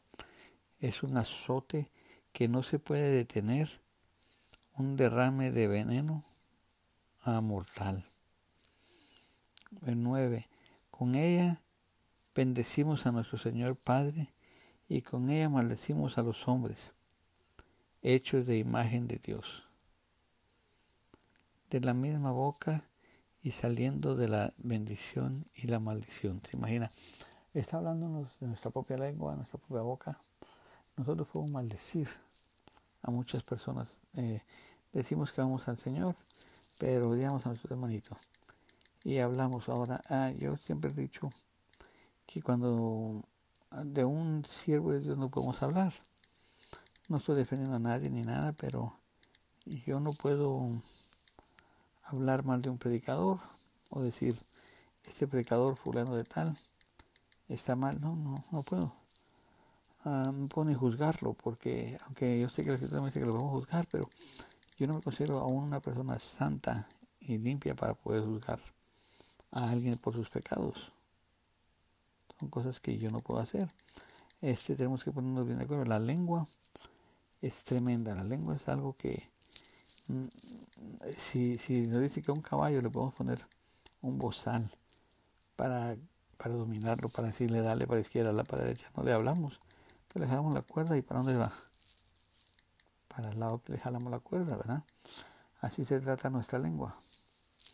Que la pudiéramos dominar así como dice, ¿se imaginan? Que no vamos a hablar nada en contra de alguien. No tenemos ningún derecho y muchos dicen, ah, como que no, brother. En realidad no tenemos. Eh, la palabra nos está diciendo no, y ya, y ahí muere, ¿verdad? Bueno, vamos al Evangelio según San Mateo 18, 18. Yo les digo, todo lo que antes en la tierra lo mantendrá atado al cielo, bueno, ya lo hemos escuchado varias veces, y todo lo que todo lo que atamos en la tierra será atado en los cielos, y todo lo que está atado en los cielos será desatado en la tierra. Así que eh, pongámonos todos de acuerdo con el Señor. En Mateo 18, 19, mismo yo le digo, si en la tierra, uh, dice en Mateo 18, 19, mismo yo le digo, si en la tierra donde dos, eh, perdón, en la tierra dos de ustedes se ponen de acuerdo para decir alguna cosa, mi Padre Celestial se lo concederá. Amén. Si nos ponemos de acuerdo, el Señor no lo va a. Marcos 11, 22. Jesús respondió, tengan fe en Dios. Tengan fe en Dios. Yo les aseguro que el que diga a este cerro, levántate de aquí, arrójate al mar, eh, eso sucederá. Y dirán, esas escrituras vimos anteriormente, sí, lo hemos escuchado. Pero si alguien pone en su corazón y no cree, pero si lo cree, esto se le concederá. Por eso digo, todo lo que pides en oración, eh, crean que yo lo, eh, que lo han recibido y que lo obtendrán. Cuando pongan de pie para orar, si tienen algo contra alguno, pues vayan y pidan perdón para que su Padre del cielo les perdone también a ustedes sus faltas. Lo que hermanos es un poco interesante, ¿verdad? Ahora, en esta ocasión tengo unas preguntas que me gustaría hacerles. Por favor, tomen lápiz, un papel, tomen notas de lo siguiente. Tengo como unas, quizás, siete preguntas que tengo. ¿Qué debe de pasar para que dos caminen juntos? De acuerdo al libro de Amos 3.3. ¿Qué debe de pasar para que dos caminen juntos? Y número dos, ¿cómo debemos, usted y yo actuar con otros creyentes? ¿Cómo debemos usted y yo actuar con otros creyentes? De acuerdo a Corintios, 1 Corintios 1.10. ¿Cómo están en acuerdo? Filipenses 1.27. ¿Cómo debemos valorar a otros de acuerdo a Filipenses 2.3? ¿Cuál es la razón por la cual debemos controlar nuestra lengua? Santiago 3.10. ¿Qué promesa tenemos si nosotros estamos de acuerdo, si estamos de acuerdo con Dios? Mateo 18.19. Y la última, número 7, con el fin de buscar un acuerdo con Dios, ¿qué debemos de hacer? Marcos 11:25. Bueno, esta ha sido una la, lección número 5. Eh, sabemos, la próxima será avanzando como un creyente maduro. Eh, estaremos preparando esta lección y nos entendemos con ustedes. Esperamos que se gocen, les gusten estas enseñanzas que hemos estado pasando con ustedes últimamente y las puedan poner en prácticas. Una vez más, soy el pastor Antonio Bosch el Torno del Alfarero y de Second Chance Ministries. Me pueden encontrar en el correo electrónico por si quieren estas clases.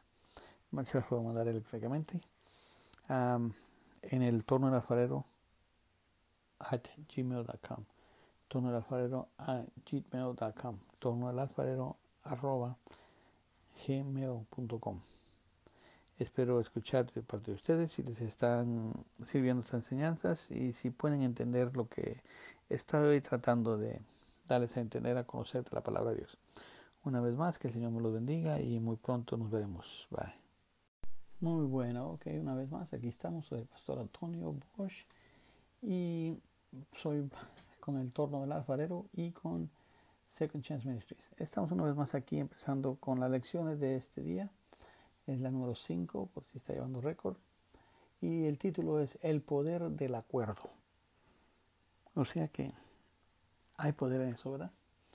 Ah, el objetivo principal para nosotros en esta tarde es, queremos que usted entienda la importancia de caminar en un acuerdo con la palabra de Dios y su Santo Espíritu.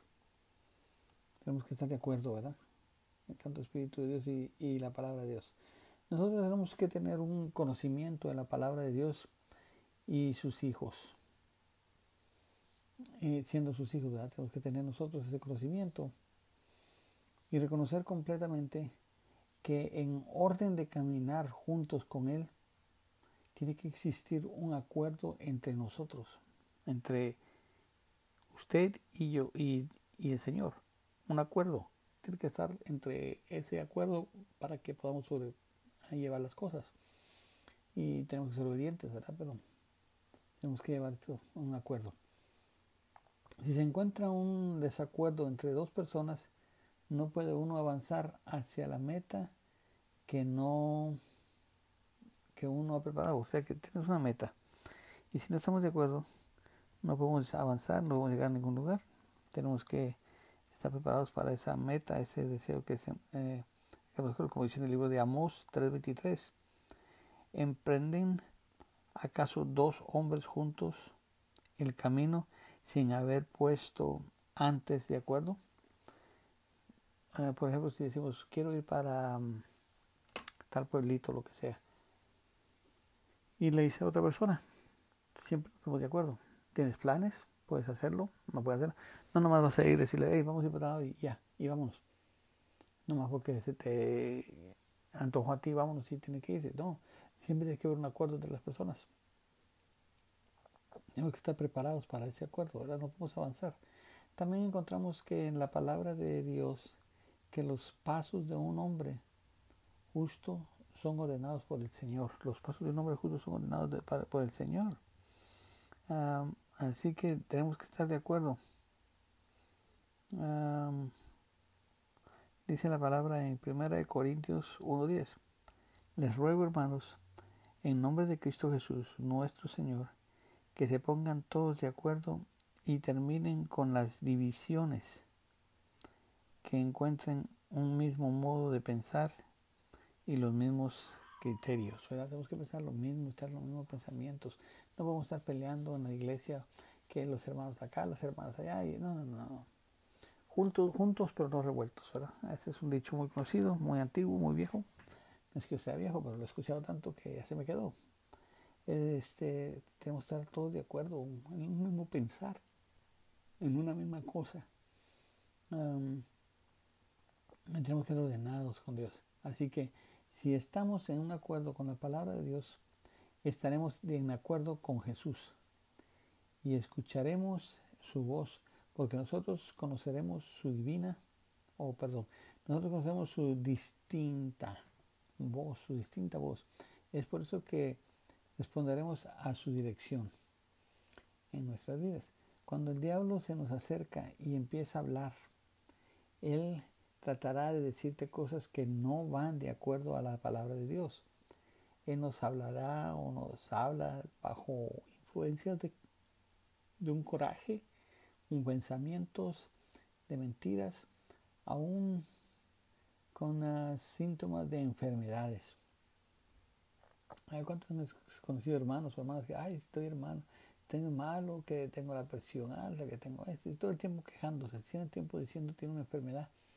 Y es el enemigo que está poniendo esa cosa. Porque trata de bajarnos, trata de Una vez que usted y yo reconocemos que eso no va de acuerdo con la palabra de Dios, entonces podemos tomar autoridad sobre de esa situación, las cuales el Satán está tratando de hablar y poner en nosotros. Él quiere ver cómo destruye. ¿A qué vino? A matar, robar y a destruir, ¿verdad? Eso que es lo que trata. La división no solamente viene entre el hombre y Dios, también divide al hombre. Esto es una de las herramientas o armas del enemigo, las cuales están causando división y pleitos en las iglesias y en los matrimonios, y mucho en los matrimonios y en las iglesias. En la iglesia pues se levanta uno y dice, no, que el pastor no, no me habló, no me saludó, que el pastor me dijo esto, el otro. Ah, en el matrimonio es que mujer tú me encelas mucho. Es que hombre tú me encelas mucho. Y que es que así soy yo, a mí me gusta ser amistoso. Que no, no, no, son excusas, ¿verdad? El enemigo nos trata de separar. Suelo buscar cualquier cosita para hacernos estar divididos y pleiteados y, y separados, ¿verdad? Todos tenemos el derecho de nuestra propia opinión. o a poco no siempre y cuando sea alineada conforme a la palabra de Dios. No va a ser una opinión, ah, pues yo pienso esto y es todo. No, tiene que ser alineada con las cosas de Dios. Donde dos o más están de acuerdo o en un acuerdo, nunca podrá haber un, uh, ¿cómo le voy a decir? Si dos o más están en desacuerdo, perdón, eh, que no están de acuerdo en las cosas, que nunca podrán haber un acuerdo porque uno está pensando una cosa, otro otra cosa, y en realidad nunca se pone de acuerdo. Tiene que estar un acuerdo con la palabra de Dios. La visión de Dios para el hogar y la iglesia son las mismas, las mismas. Así que debemos que estar en acuerdo si deseamos las bendiciones de Dios en esas ah, áreas de nuestra vida. Cuando usted y yo caminamos en desacuerdo con la palabra de Dios, entonces nuestra confesión no está alineada tampoco. Así que si nuestra confesión está desalineada fuera del plomo, esto le da el Evangelio que tenga acceso a nuestro territorio, le da al enemigo para que luego entre a nuestro territorio, para que llegue y empiece a hacer guerra. Ah, porque él puede meterse porque no estamos de acuerdo. Es el acuerdo que tenemos con la palabra de Dios que establece una impenetrable herrera o barrera, perdón, en contra del enemigo y sus agentes. Recordemos que es la palabra de Dios la cual declara que uno puede poner miles a pelear, cuando dos pueden poner diez mil a pelear. ¿Se imagina? Podemos eh, em, declarar que solo uno dice puede poner mil a pelear, cuando dos pueden poner diez mil a pelear. Imaginemos que qué fuerte e unificada la iglesia podría ser cuando todos están en un solo acuerdo con la palabra de Dios. Ahora, ah, la unción de Dios ah, fluye en cualquier instante, cuando se encuentra unidad entre todos. Mas le diré que antes de estar de acuerdo con alguien tenemos que escudriñar y saber qué es lo que ellos creen y dónde está su fe. ¿Qué es lo que ellos creen y dónde está su fe? Porque muchos pueden creer una cosa diferente y tener fe diferente. Tenemos que saber, tenemos que estar de acuerdo. Por ejemplo, una iglesia local debe estar de acuerdo a la visión del pastor porque eh, el pastor tiene que decirnos cuál es la visión y nosotros estamos de acuerdo a esa visión que él tiene. Si el pastor no está alineado correctamente en la palabra de Dios, es probablemente el tiempo ah, correcto de buscar por otra iglesia, ¿verdad? Porque él está equivocado quizás y no puede darnos... Eh, el pastor siempre tiene que darnos a nosotros una guía. Eh, por ejemplo, decir, hermanos, las metas de mi iglesia es a ganar almas, predicar el Evangelio. Yo le he preguntado a pastores, ¿cuál es la visión de tu iglesia? Y todos me dicen la misma respuesta, lo que la palabra de Dios dice. Pero, entonces, ¿cuál es la visión que Dios te ha dado? Aparte de esa escritura, ¿cuál visión te ha dado el Señor? ¿Qué te ha mostrado el Señor? Esto es lo que quiero que tú hagas. Te saqué del donde estabas para que prediques. Si tú eres un borracho, o un mujeriego, o un drogadicto, el Señor te saca para que le hables a ese tipo de personas. Pero hay muchos que se olvidan de dónde lo sacó Dios, de dónde nos sacó Dios. Y eso no está bien. Tenemos que entrar al pensamiento de Cristo. Y uno como pastor tiene que poderle enseñar al pueblo cuál es la visión para que ellos tengan esa visión. Si no, vamos a trabajar en contra del uno del otro y eso no está bien. Es muy importante el que usted y yo seamos educados o instruidos por medio de la palabra de Dios. Y, ser instruidos es como él, como él piensa. La Biblia nos enseña que tenemos que ponernos la mente de Jesucristo y si deseamos de eh, y si debemos de ponernos la mente de Cristo, entonces tendremos que ponernos en un acuerdo y en un acuerdo con Él es importante que nosotros seamos ah, singulares con la mente de nuestro Señor Jesucristo. al hacerlo, estaremos ah, caminando en los pasos de nuestro Señor Jesús, haciendo los mismos milagros que Él hizo y aún ah, grandes milagros nosotros haremos. La Biblia nos enseña que cuando dos están de acuerdo en la tierra y toman algo, ellos vendrán y serán testigos de la manifestación en sus vidas, ya sea la iglesia o un matrimonio que aparecen, eh, aprenden a estar en un acuerdo con la palabra de Dios. Encontrarán un gran triunfo puesto que no, no, no arma puede ser forjada en contra de cualquiera de estos, ah, ah, de cualquiera de ellos y que prospere. No hay ni un arma, nada, nada. Lo siento mucho, pero muchos dirán, no, es que es difícil y, nada, nada, nada, no hay nada ni nadie que nos pueda separar. Dice que, que nos separará el amor de Dios. Nada, no hay enfermedad, ni guerra, ni pestilencias, ni nada. Ahorita estamos batallando, pero llegará un momento que se acabará esa batalla que tenemos y seremos todos restaurados en el Señor, ¿verdad?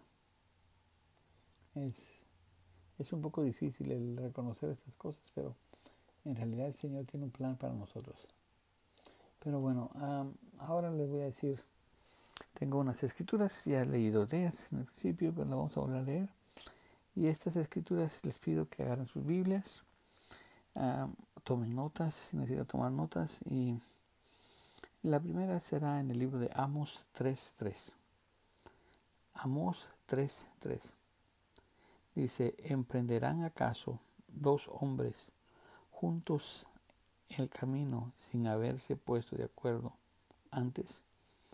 O sea que ah, tenemos que hablar y saber lo que vamos a hacer. Vamos a ir a la primera carta de los Corintios 1.10.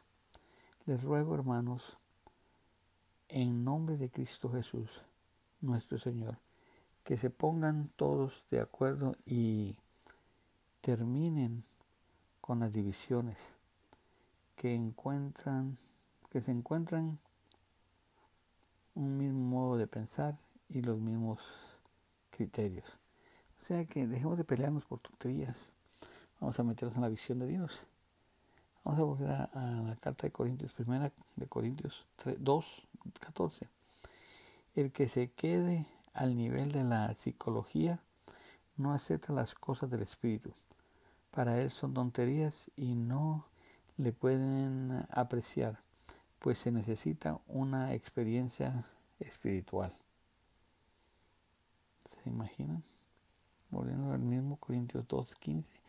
En cambio, el hombre espiritual lo justo, lo juzga todo y a él nadie lo puede juzgar. Tremendo, ¿verdad? Yo siempre he sido de las personas que nosotros no podemos juzgar a nadie, ah, ah, porque el único que nos puede juzgar es Dios, pero aquí nos está enseñando la palabra que, que nosotros, el justo, el justo, y muchos dirán, pues yo soy justo y por eso juzgo. Pero ¿qué pruebas tiene de ser justo? Así que aquí nos habla claramente veamos la carta de los Filipenses 1.27. Solamente procuren que su vida esté a la altura del Evangelio de Cristo. Permanezcan firmes en un mismo espíritu y no luchen con uno solo o con un solo, solo corazón, porque la fe del Evangelio, por la fe del Evangelio. Ojalá pues Ojalá pueda ah, comprobar si, hoy, si voy donde ustedes y si no voy, queda al menos oírlo. Y luego Filipenses 1.27. Solamente procuren que su vida esté a la altura del Evangelio. Bueno, ya lo hemos leído. Carta de Santiago 3.11. Hermanos, no se hagan todos maestros ya saben que como maestros seremos juzgados con más severidad. O sea que eh, nos metemos en camisa de once varas, como decimos, si empezamos a ser maestros, porque somos responsables de lo que predicamos, de lo que enseñamos. Un maestro es, es el que prepara.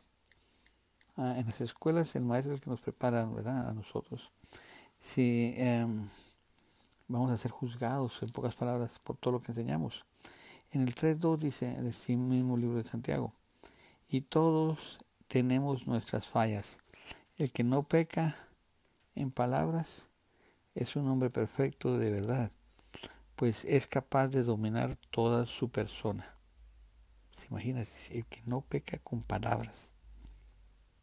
¿Cuántos hemos ofendido a personas con puras palabras? Ahora sí podemos retenerlas podemos dominar nuestra propia persona. En el 3.3, Poniendo un freno en la boca del caballo, podemos dominarlo y someternos así, y sometemos todo su cuerpo. 3.4. Lo mismo ocurre con los barcos. Con un pequeño timón, el piloto los maneja como quiere, por grandes que sean, aún bajo fuertes vientos. El 5. Así también la lengua es algo pequeño, pero puede mucho. Aquí tiene una llama que devora bosques. 3.6. La lengua es un fuego y es un mundo de maldad. Rige nuestro organismo y marcha toda la persona, mancha toda la persona. El fuego del infierno se mete en ella y lo transmite a toda nuestra vida. ¿Se imaginan? Aleluya. El 7 dice, anímate, animales salvajes y pájaros reptiles y animales ah, marinos de toda clase han sido y de hecho son dominados por la raza humana.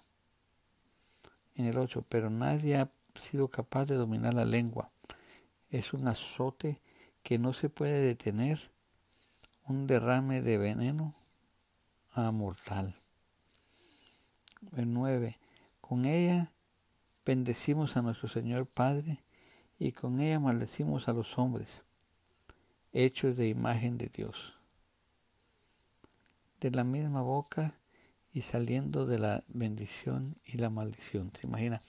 Está hablándonos de nuestra propia lengua, nuestra propia boca. Nosotros podemos maldecir a muchas personas. Eh, decimos que vamos al Señor, pero odiamos a nuestros hermanitos. Y hablamos ahora. Ah, yo siempre he dicho que cuando de un siervo de Dios no podemos hablar. No estoy defendiendo a nadie ni nada, pero yo no puedo hablar mal de un predicador o decir, este predicador fulano de tal está mal. No, no, no puedo. No puedo juzgarlo porque, aunque yo sé que la escritura me dice que lo podemos juzgar, pero yo no me considero aún una persona santa y limpia para poder juzgar a alguien por sus pecados. Son cosas que yo no puedo hacer. Este tenemos que ponernos bien de acuerdo. La lengua es tremenda. La lengua es algo que Mm, si, si nos dice que a un caballo le podemos poner un bozal para, para dominarlo, para decirle dale para la izquierda, la para la derecha, no le hablamos, pero le jalamos la cuerda y para dónde va? Para el lado que le jalamos la cuerda, ¿verdad? Así se trata nuestra lengua. Que la pudiéramos dominar así como dice, ¿se imaginan? Que no vamos a hablar nada en contra de alguien. No tenemos ningún derecho y muchos dicen, ah, como que no, brother. En realidad no tenemos.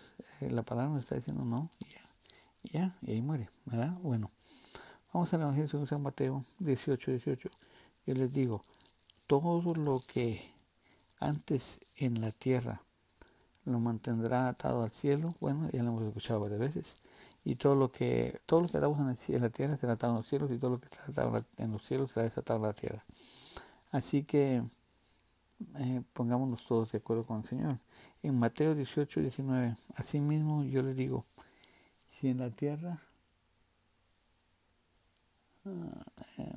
dice en Mateo 18, 19, mismo yo le digo, si en la tierra donde dos, eh, perdón, en la tierra dos de ustedes se ponen de acuerdo para decir alguna cosa, mi Padre Celestial se lo concederá. Amén. Si nos ponemos de acuerdo, el Señor no lo va a hacer. Marcos 11, 22. Jesús respondió, tengan fe en Dios. Tengan fe en Dios. Yo les aseguro que el que diga a este cerro, levántate de aquí, arrójate al mar, eh, eso sucederá. Y dirán, esas escrituras las vimos anteriormente, sí, las hemos escuchado. Pero si alguien pone en su corazón y no cree, pero si lo cree, esto se le concederá. Por eso digo, todo lo que pides en oración, eh, crean que yo lo, eh, que lo han recibido y que lo tendrán. Cuando pongan de pie para, para orar. Si tienen algo contra alguno, pues vayan y pidan perdón. Para que su Padre del cielo les perdone también a ustedes sus faltas. Lo que hermanos es un poco interesante, ¿verdad? Ahora, en esta ocasión tengo unas preguntas que me gustaría hacerles. Por favor, tomen lápiz, un papel, tomen notas de lo siguiente. Son como unas, quizás, siete preguntas que tengo. ¿Qué debe de pasar para que dos caminen juntos? De acuerdo al libro de Amos 3.3. ¿Qué debe de pasar para que dos caminen juntos? Número dos, ¿cómo debemos usted y yo actuar con otros creyentes? ¿Cómo debemos usted y yo actuar con otros creyentes? De acuerdo a Corintios, 1 Corintios 1.10. ¿Cómo están en acuerdo? Filipenses 1.27. ¿Cómo debemos valorar a otros de acuerdo a Filipenses 2.3? ¿Cuál es la razón por la cual debemos controlar nuestra lengua? Santiago 3.10. ¿Qué promesa tenemos si nosotros estamos de acuerdo, si estamos de acuerdo con Dios? Mateo 18.19. Y la última, número 7, con el fin de buscar un acuerdo con Dios, ¿qué debemos de hacer? Marcos 11.25. Bueno, esta ha sido una la, lección número 5. Eh, la próxima será avanzando como un creyente maduro. Eh, estaremos preparando esta lección y nos entendemos con ustedes. Esperamos que se gocen, les gusten estas enseñanzas que hemos estado pasando con ustedes últimamente y las puedan poner en prácticas. Una vez más, soy el pastor Antonio Bosch el Torno del Alfarero y de Second Chance Ministries. Me pueden encontrar en el correo electrónico por si quieren estas clases, se las puedo mandar electrónicamente. en el torno del alfarero at gmail.com torno del at gmail.com torno del alfarero arroba gmail.com Espero escuchar de parte de ustedes si les están sirviendo estas enseñanzas y si pueden entender lo que estoy tratando de darles a entender, a conocer de la palabra de Dios. Una vez más, que el Señor me los bendiga y muy pronto nos veremos. Bye. Muy bueno, ok, una vez más, aquí estamos, soy el pastor Antonio Bosch y soy con el torno del alfarero y con Second Chance Ministries. Estamos una vez más aquí empezando con las lecciones de este día es la número 5, por si está llevando récord. Y el título es El poder del acuerdo. O sea que hay poder en eso, ¿verdad? Ah, el objetivo principal para nosotros en esta tarde es, queremos que usted entienda la importancia de caminar en un acuerdo con la palabra de Dios y su Santo Espíritu. Tenemos que estar de acuerdo, ¿verdad? El Santo Espíritu de Dios y, y la palabra de Dios. Nosotros tenemos que tener un conocimiento de la palabra de Dios y sus hijos. Siendo sus hijos, tenemos que tener nosotros ese conocimiento y reconocer completamente que en orden de caminar juntos con Él, tiene que existir un acuerdo entre nosotros, entre usted y yo y, y el Señor. Un acuerdo. Tiene que estar entre ese acuerdo para que podamos sobre, llevar las cosas.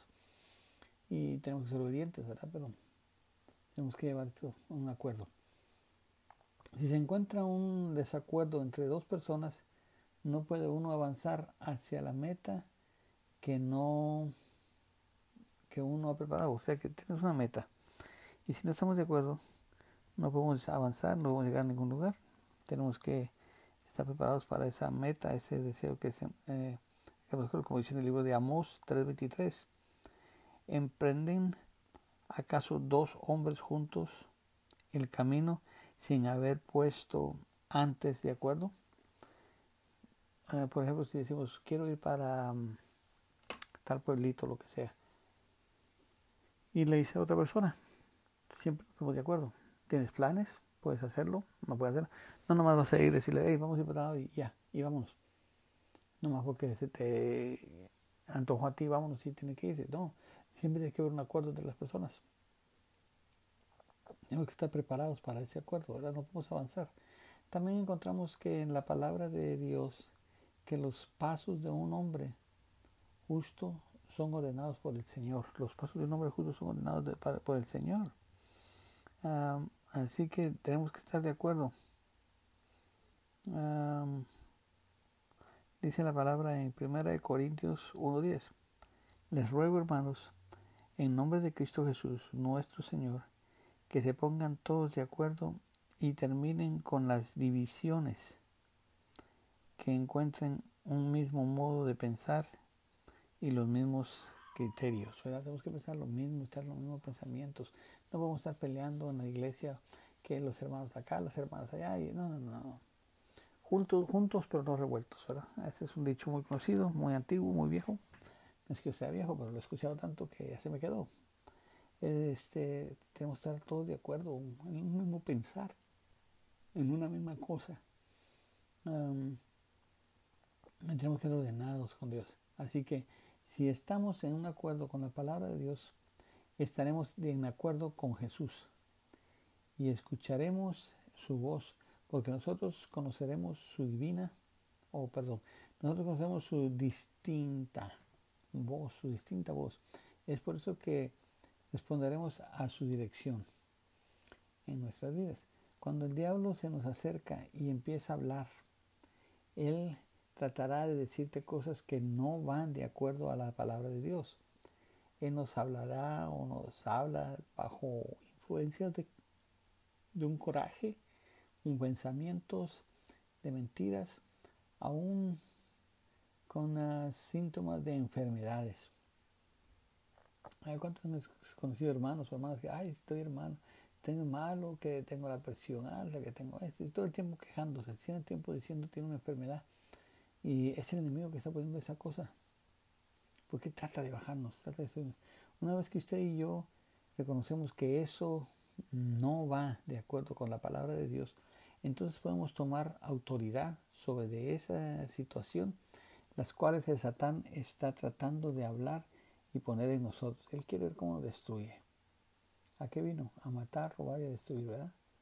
Eso que es lo que trata. La división no solamente viene entre el hombre y Dios, también divide al hombre.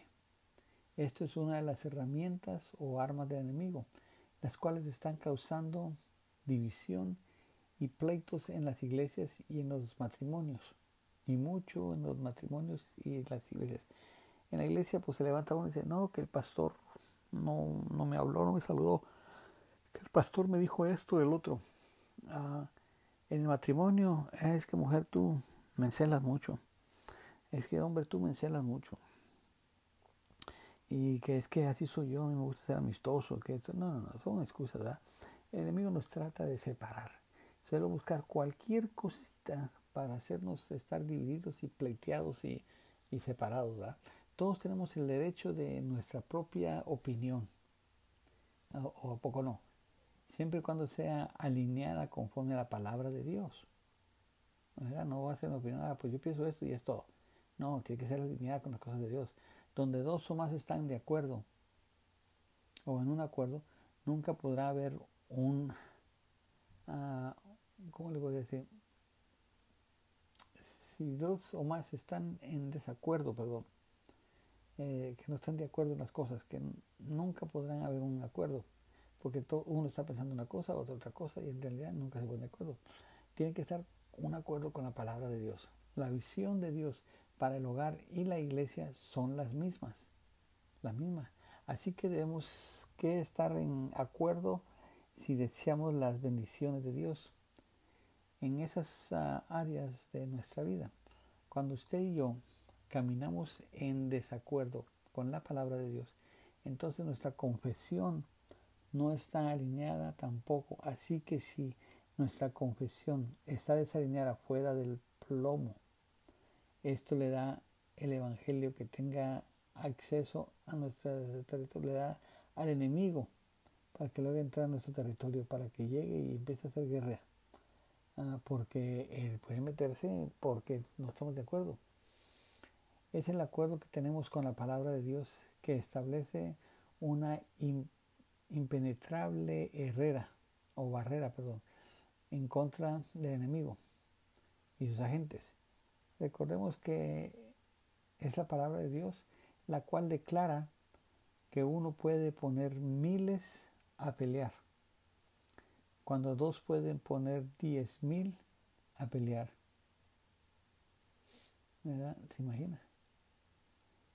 Podemos eh, em, declarar que solo uno dice puede poner mil a pelear, cuando dos pueden poner diez mil a pelear. Imaginemos que qué fuerte e unificada la iglesia podría ser cuando todos están en un solo acuerdo con la palabra de Dios. Ahora, ah, la unción de Dios ah, fluye en cualquier instante, cuando se encuentra unidad entre todos. Mas le diré que antes de estar de acuerdo con alguien tenemos que escudriñar y saber qué es lo que ellos creen y dónde está su fe. ¿Qué es lo que ellos creen y dónde está su fe? Porque muchos pueden creer una cosa diferente y tener fe diferente. Tenemos que saber, tenemos que estar de acuerdo.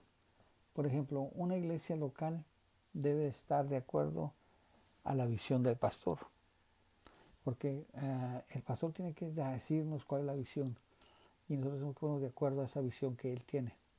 Si el pastor no está alineado correctamente en la palabra de Dios, es probablemente el tiempo ah, correcto de buscar por otra iglesia, ¿verdad? Porque él está equivocado quizás y no puede darnos... Eh, el pastor siempre tiene que darnos a nosotros una guía. Eh, por ejemplo, decir, hermanos, las metas de mi iglesia es a ganar almas, predicar el Evangelio. Yo le he preguntado a pastores, ¿cuál es la visión de tu iglesia? Y todos me dicen la misma respuesta, lo que la palabra de Dios dice. Pero, entonces, ¿cuál es la visión que Dios te ha dado? Aparte de esa escritura, ¿cuál visión te ha dado el Señor? ¿Qué te ha mostrado el Señor? Esto es lo que quiero que tú hagas. Te saqué del donde estabas para que prediques. Si tú eres un borracho, o un mujeriego, o un drogadicto, el Señor te saca para que le hables a ese tipo de personas. Pero hay muchos que se olvidan de dónde lo sacó Dios, de dónde nos sacó Dios. Y eso no está bien. Tenemos que entrar al pensamiento de Cristo. Y uno como pastor tiene que poderle enseñar al pueblo cuál es la visión para que ellos tengan esa visión. Si no, vamos a trabajar en contra del uno del otro y eso no está bien. Es muy importante el que usted y yo seamos educados o instruidos por medio de la palabra de Dios. Y, ser instruidos es como como él piensa. La Biblia nos enseña que tenemos que ponernos la mente de Jesucristo y si deseamos de y si debemos de ponernos la mente de Cristo, entonces tendremos que ponernos en un acuerdo y en un acuerdo con Él. Es importante que nosotros seamos ah, singulares con la mente de nuestro Señor Jesucristo. Al hacerlo, estaremos ah, caminando en los pasos de nuestro Señor Jesús, haciendo los mismos milagros que Él hizo y aún grandes milagros nosotros haremos. La Biblia nos enseña que cuando dos están de acuerdo en la tierra y toman algo, ellos vendrán y serán testigos de la manifestación en sus vidas, ya sea la iglesia o un matrimonio que aparecen, eh, aprenden a estar en un acuerdo con la palabra de Dios.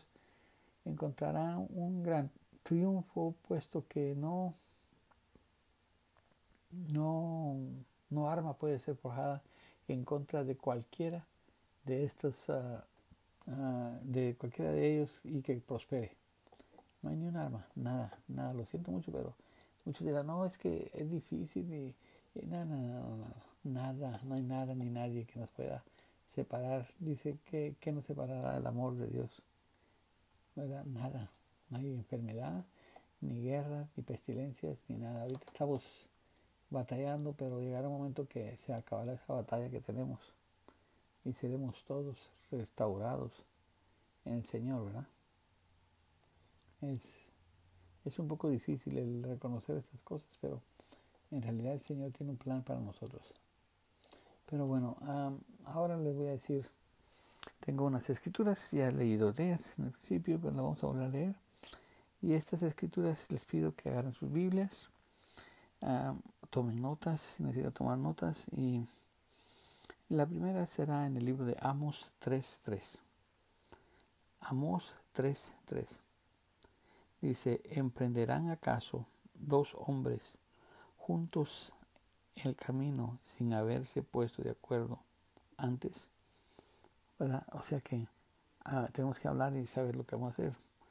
Luego vamos a ir a la primera carta de los Corintios 1.10. Les ruego, hermanos, en nombre de Cristo Jesús, nuestro Señor, que se pongan todos de acuerdo y terminen con las divisiones que encuentran, que se encuentran un mismo modo de pensar y los mismos criterios. O sea que dejemos de pelearnos por tonterías. Vamos a meternos en la visión de Dios. Vamos a volver a, la carta de Corintios, primera de Corintios 2, 14. El que se quede al nivel de la psicología no acepta las cosas del espíritu.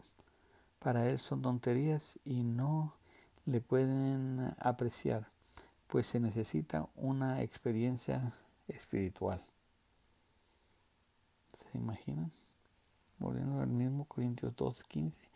En cambio, el hombre espiritual lo justo, lo juzga todo y a él nadie lo puede juzgar. Tremendo, ¿verdad? Yo siempre he sido las personas que nosotros no podemos juzgar a nadie, ah, ah, porque es único que nos puede juzgar es Dios, pero aquí nos está enseñando la palabra que, que nosotros, el justo, el justo, y muchos dirán, pues yo soy justo y por eso juzgo. Pero ¿qué pruebas tiene de ser justo? Así que aquí nos habla claramente. Veamos la carta de los Filipenses 1.27. Solamente procuren que su vida esté a la altura del Evangelio de Cristo. Permanezcan firmes en un mismo espíritu y no luchen con uno solo o con un solo, solo corazón, porque la fe del Evangelio, por la fe del Evangelio, ojalá pues, ojalá pueda ah, comprobar si hoy, si voy donde ustedes y si no voy, queda al menos oírlo. En los tenemos Filipenses 1.27. Solamente procuren que su vida esté a la altura del Evangelio. Bueno, ya lo hemos leído. Carta de Santiago 3:11. Hermanos, no se hagan todos maestros. Ya saben que como maestros seremos juzgados con más severidad.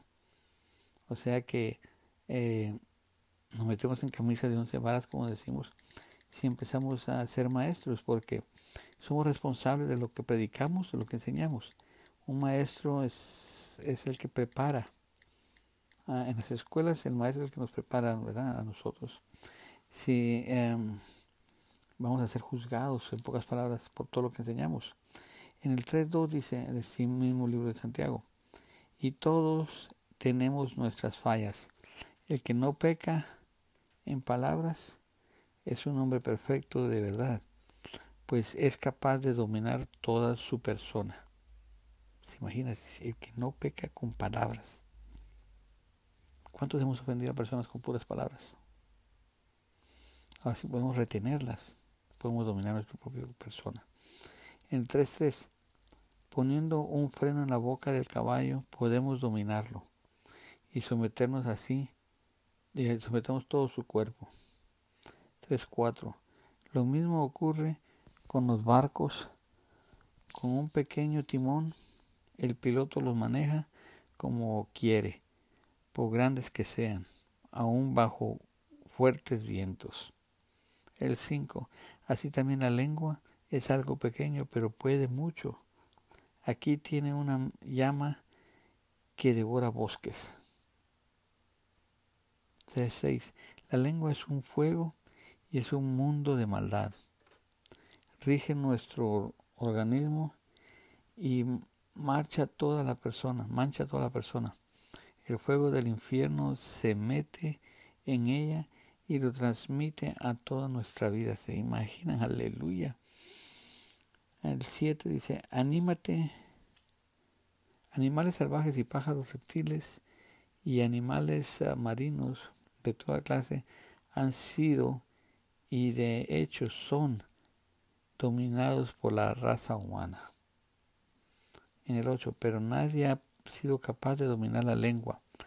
Es un azote que no se puede detener, un derrame de veneno a mortal. El 9. Con ella bendecimos a nuestro Señor Padre y con ella maldecimos a los hombres, hechos de imagen de Dios. De la misma boca y saliendo de la bendición y la maldición. ¿Se imagina? Está hablándonos de nuestra propia lengua, nuestra propia boca. Nosotros podemos maldecir a muchas personas. Eh, decimos que vamos al Señor, pero odiamos a nuestros hermanitos. Y hablamos ahora. Ah, yo siempre he dicho que cuando de un siervo de Dios no podemos hablar. No estoy defendiendo a nadie ni nada, pero yo no puedo hablar mal de un predicador o decir, este predicador fulano de tal está mal. No, no, no puedo. Ah, no puedo ni juzgarlo, porque aunque yo sé que la escritura me dice que lo podemos juzgar, pero yo no me considero aún una persona santa y limpia para poder juzgar a alguien por sus pecados. Son cosas que yo no puedo hacer. Este tenemos que ponernos bien de acuerdo. La lengua es tremenda. La lengua es algo que mm, si, si nos dice que a un caballo le podemos poner un bozal para, para dominarlo, para decirle dale para la izquierda, la para la derecha, no le hablamos. Entonces le jalamos la cuerda y para dónde va? Para el lado que le jalamos la cuerda, ¿verdad? Así se trata nuestra lengua. Que la pudiéramos dominar así como dice, ¿se imaginan? que no vamos a hablar nada en contra de alguien. No tenemos ningún derecho. Y muchos dicen, ah, como que no, brother. En realidad no tenemos. Eh, la palabra nos está diciendo no, ya, ya, y ahí muere, ¿verdad? Bueno, vamos al Evangelio según San Mateo 18, 18. Yo les digo, todo lo que antes en la tierra lo mantendrá atado al cielo, bueno, ya lo hemos escuchado varias veces, y todo lo que todo lo que atamos en, la tierra será atado en los cielos y todo lo que está atado en los cielos será desatado en la tierra. Así que eh, pongámonos todos de acuerdo con el Señor. En Mateo 18, 19, así mismo yo le digo, si en la tierra,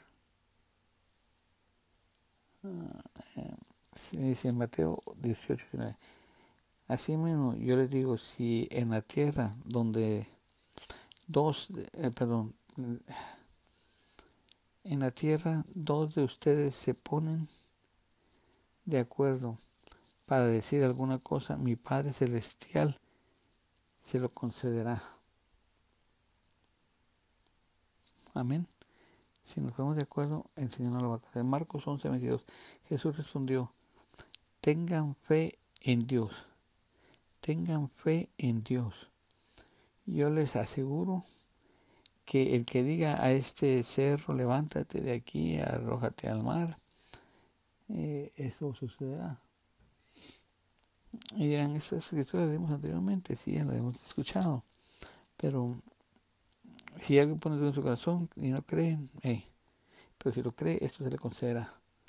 Por eso digo, todo lo que pides en oración, eh, crean que yo lo, eh, que lo han recibido y que lo obtendrán cuando pongan de pie para, orar, si tienen algo contra alguno, pues vayan y pidan perdón, para que su Padre del cielo les perdone también a ustedes sus faltas. Lo que hermanos es un poco interesante, ¿verdad? Ahora, en esta ocasión tengo unas preguntas que me gustaría hacerles.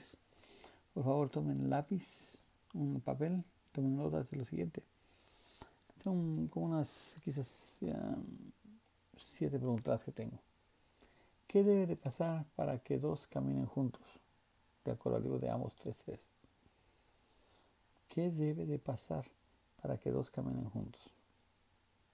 Y número dos, ¿cómo debemos usted y yo actuar con otros creyentes? ¿Cómo debemos usted y yo actuar con otros creyentes? De acuerdo a Corintios, 1 Corintios 1.10. ¿Cómo está en acuerdo? Filipenses 1.27. ¿Cómo debemos valorar a otros? De acuerdo a Filipenses 2.3. ¿Cuál es la razón por la cual debemos controlar nuestra lengua? Santiago 3.10. ¿Qué promesa tenemos si nosotros estamos de acuerdo, si estamos de acuerdo con Dios? Mateo 18.19. Y la última, número 7, con el fin de buscar un acuerdo con Dios, ¿qué debemos de hacer?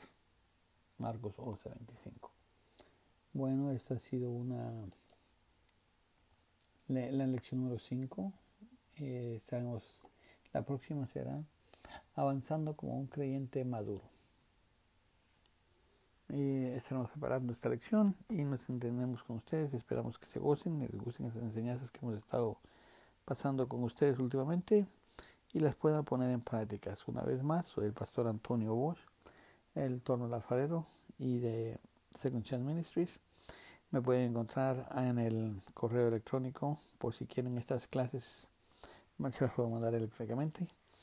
en el torno del alfarero at gmail.com. Torno del alfarero at gmail.com. Torno del alfarero arroba gmail.com.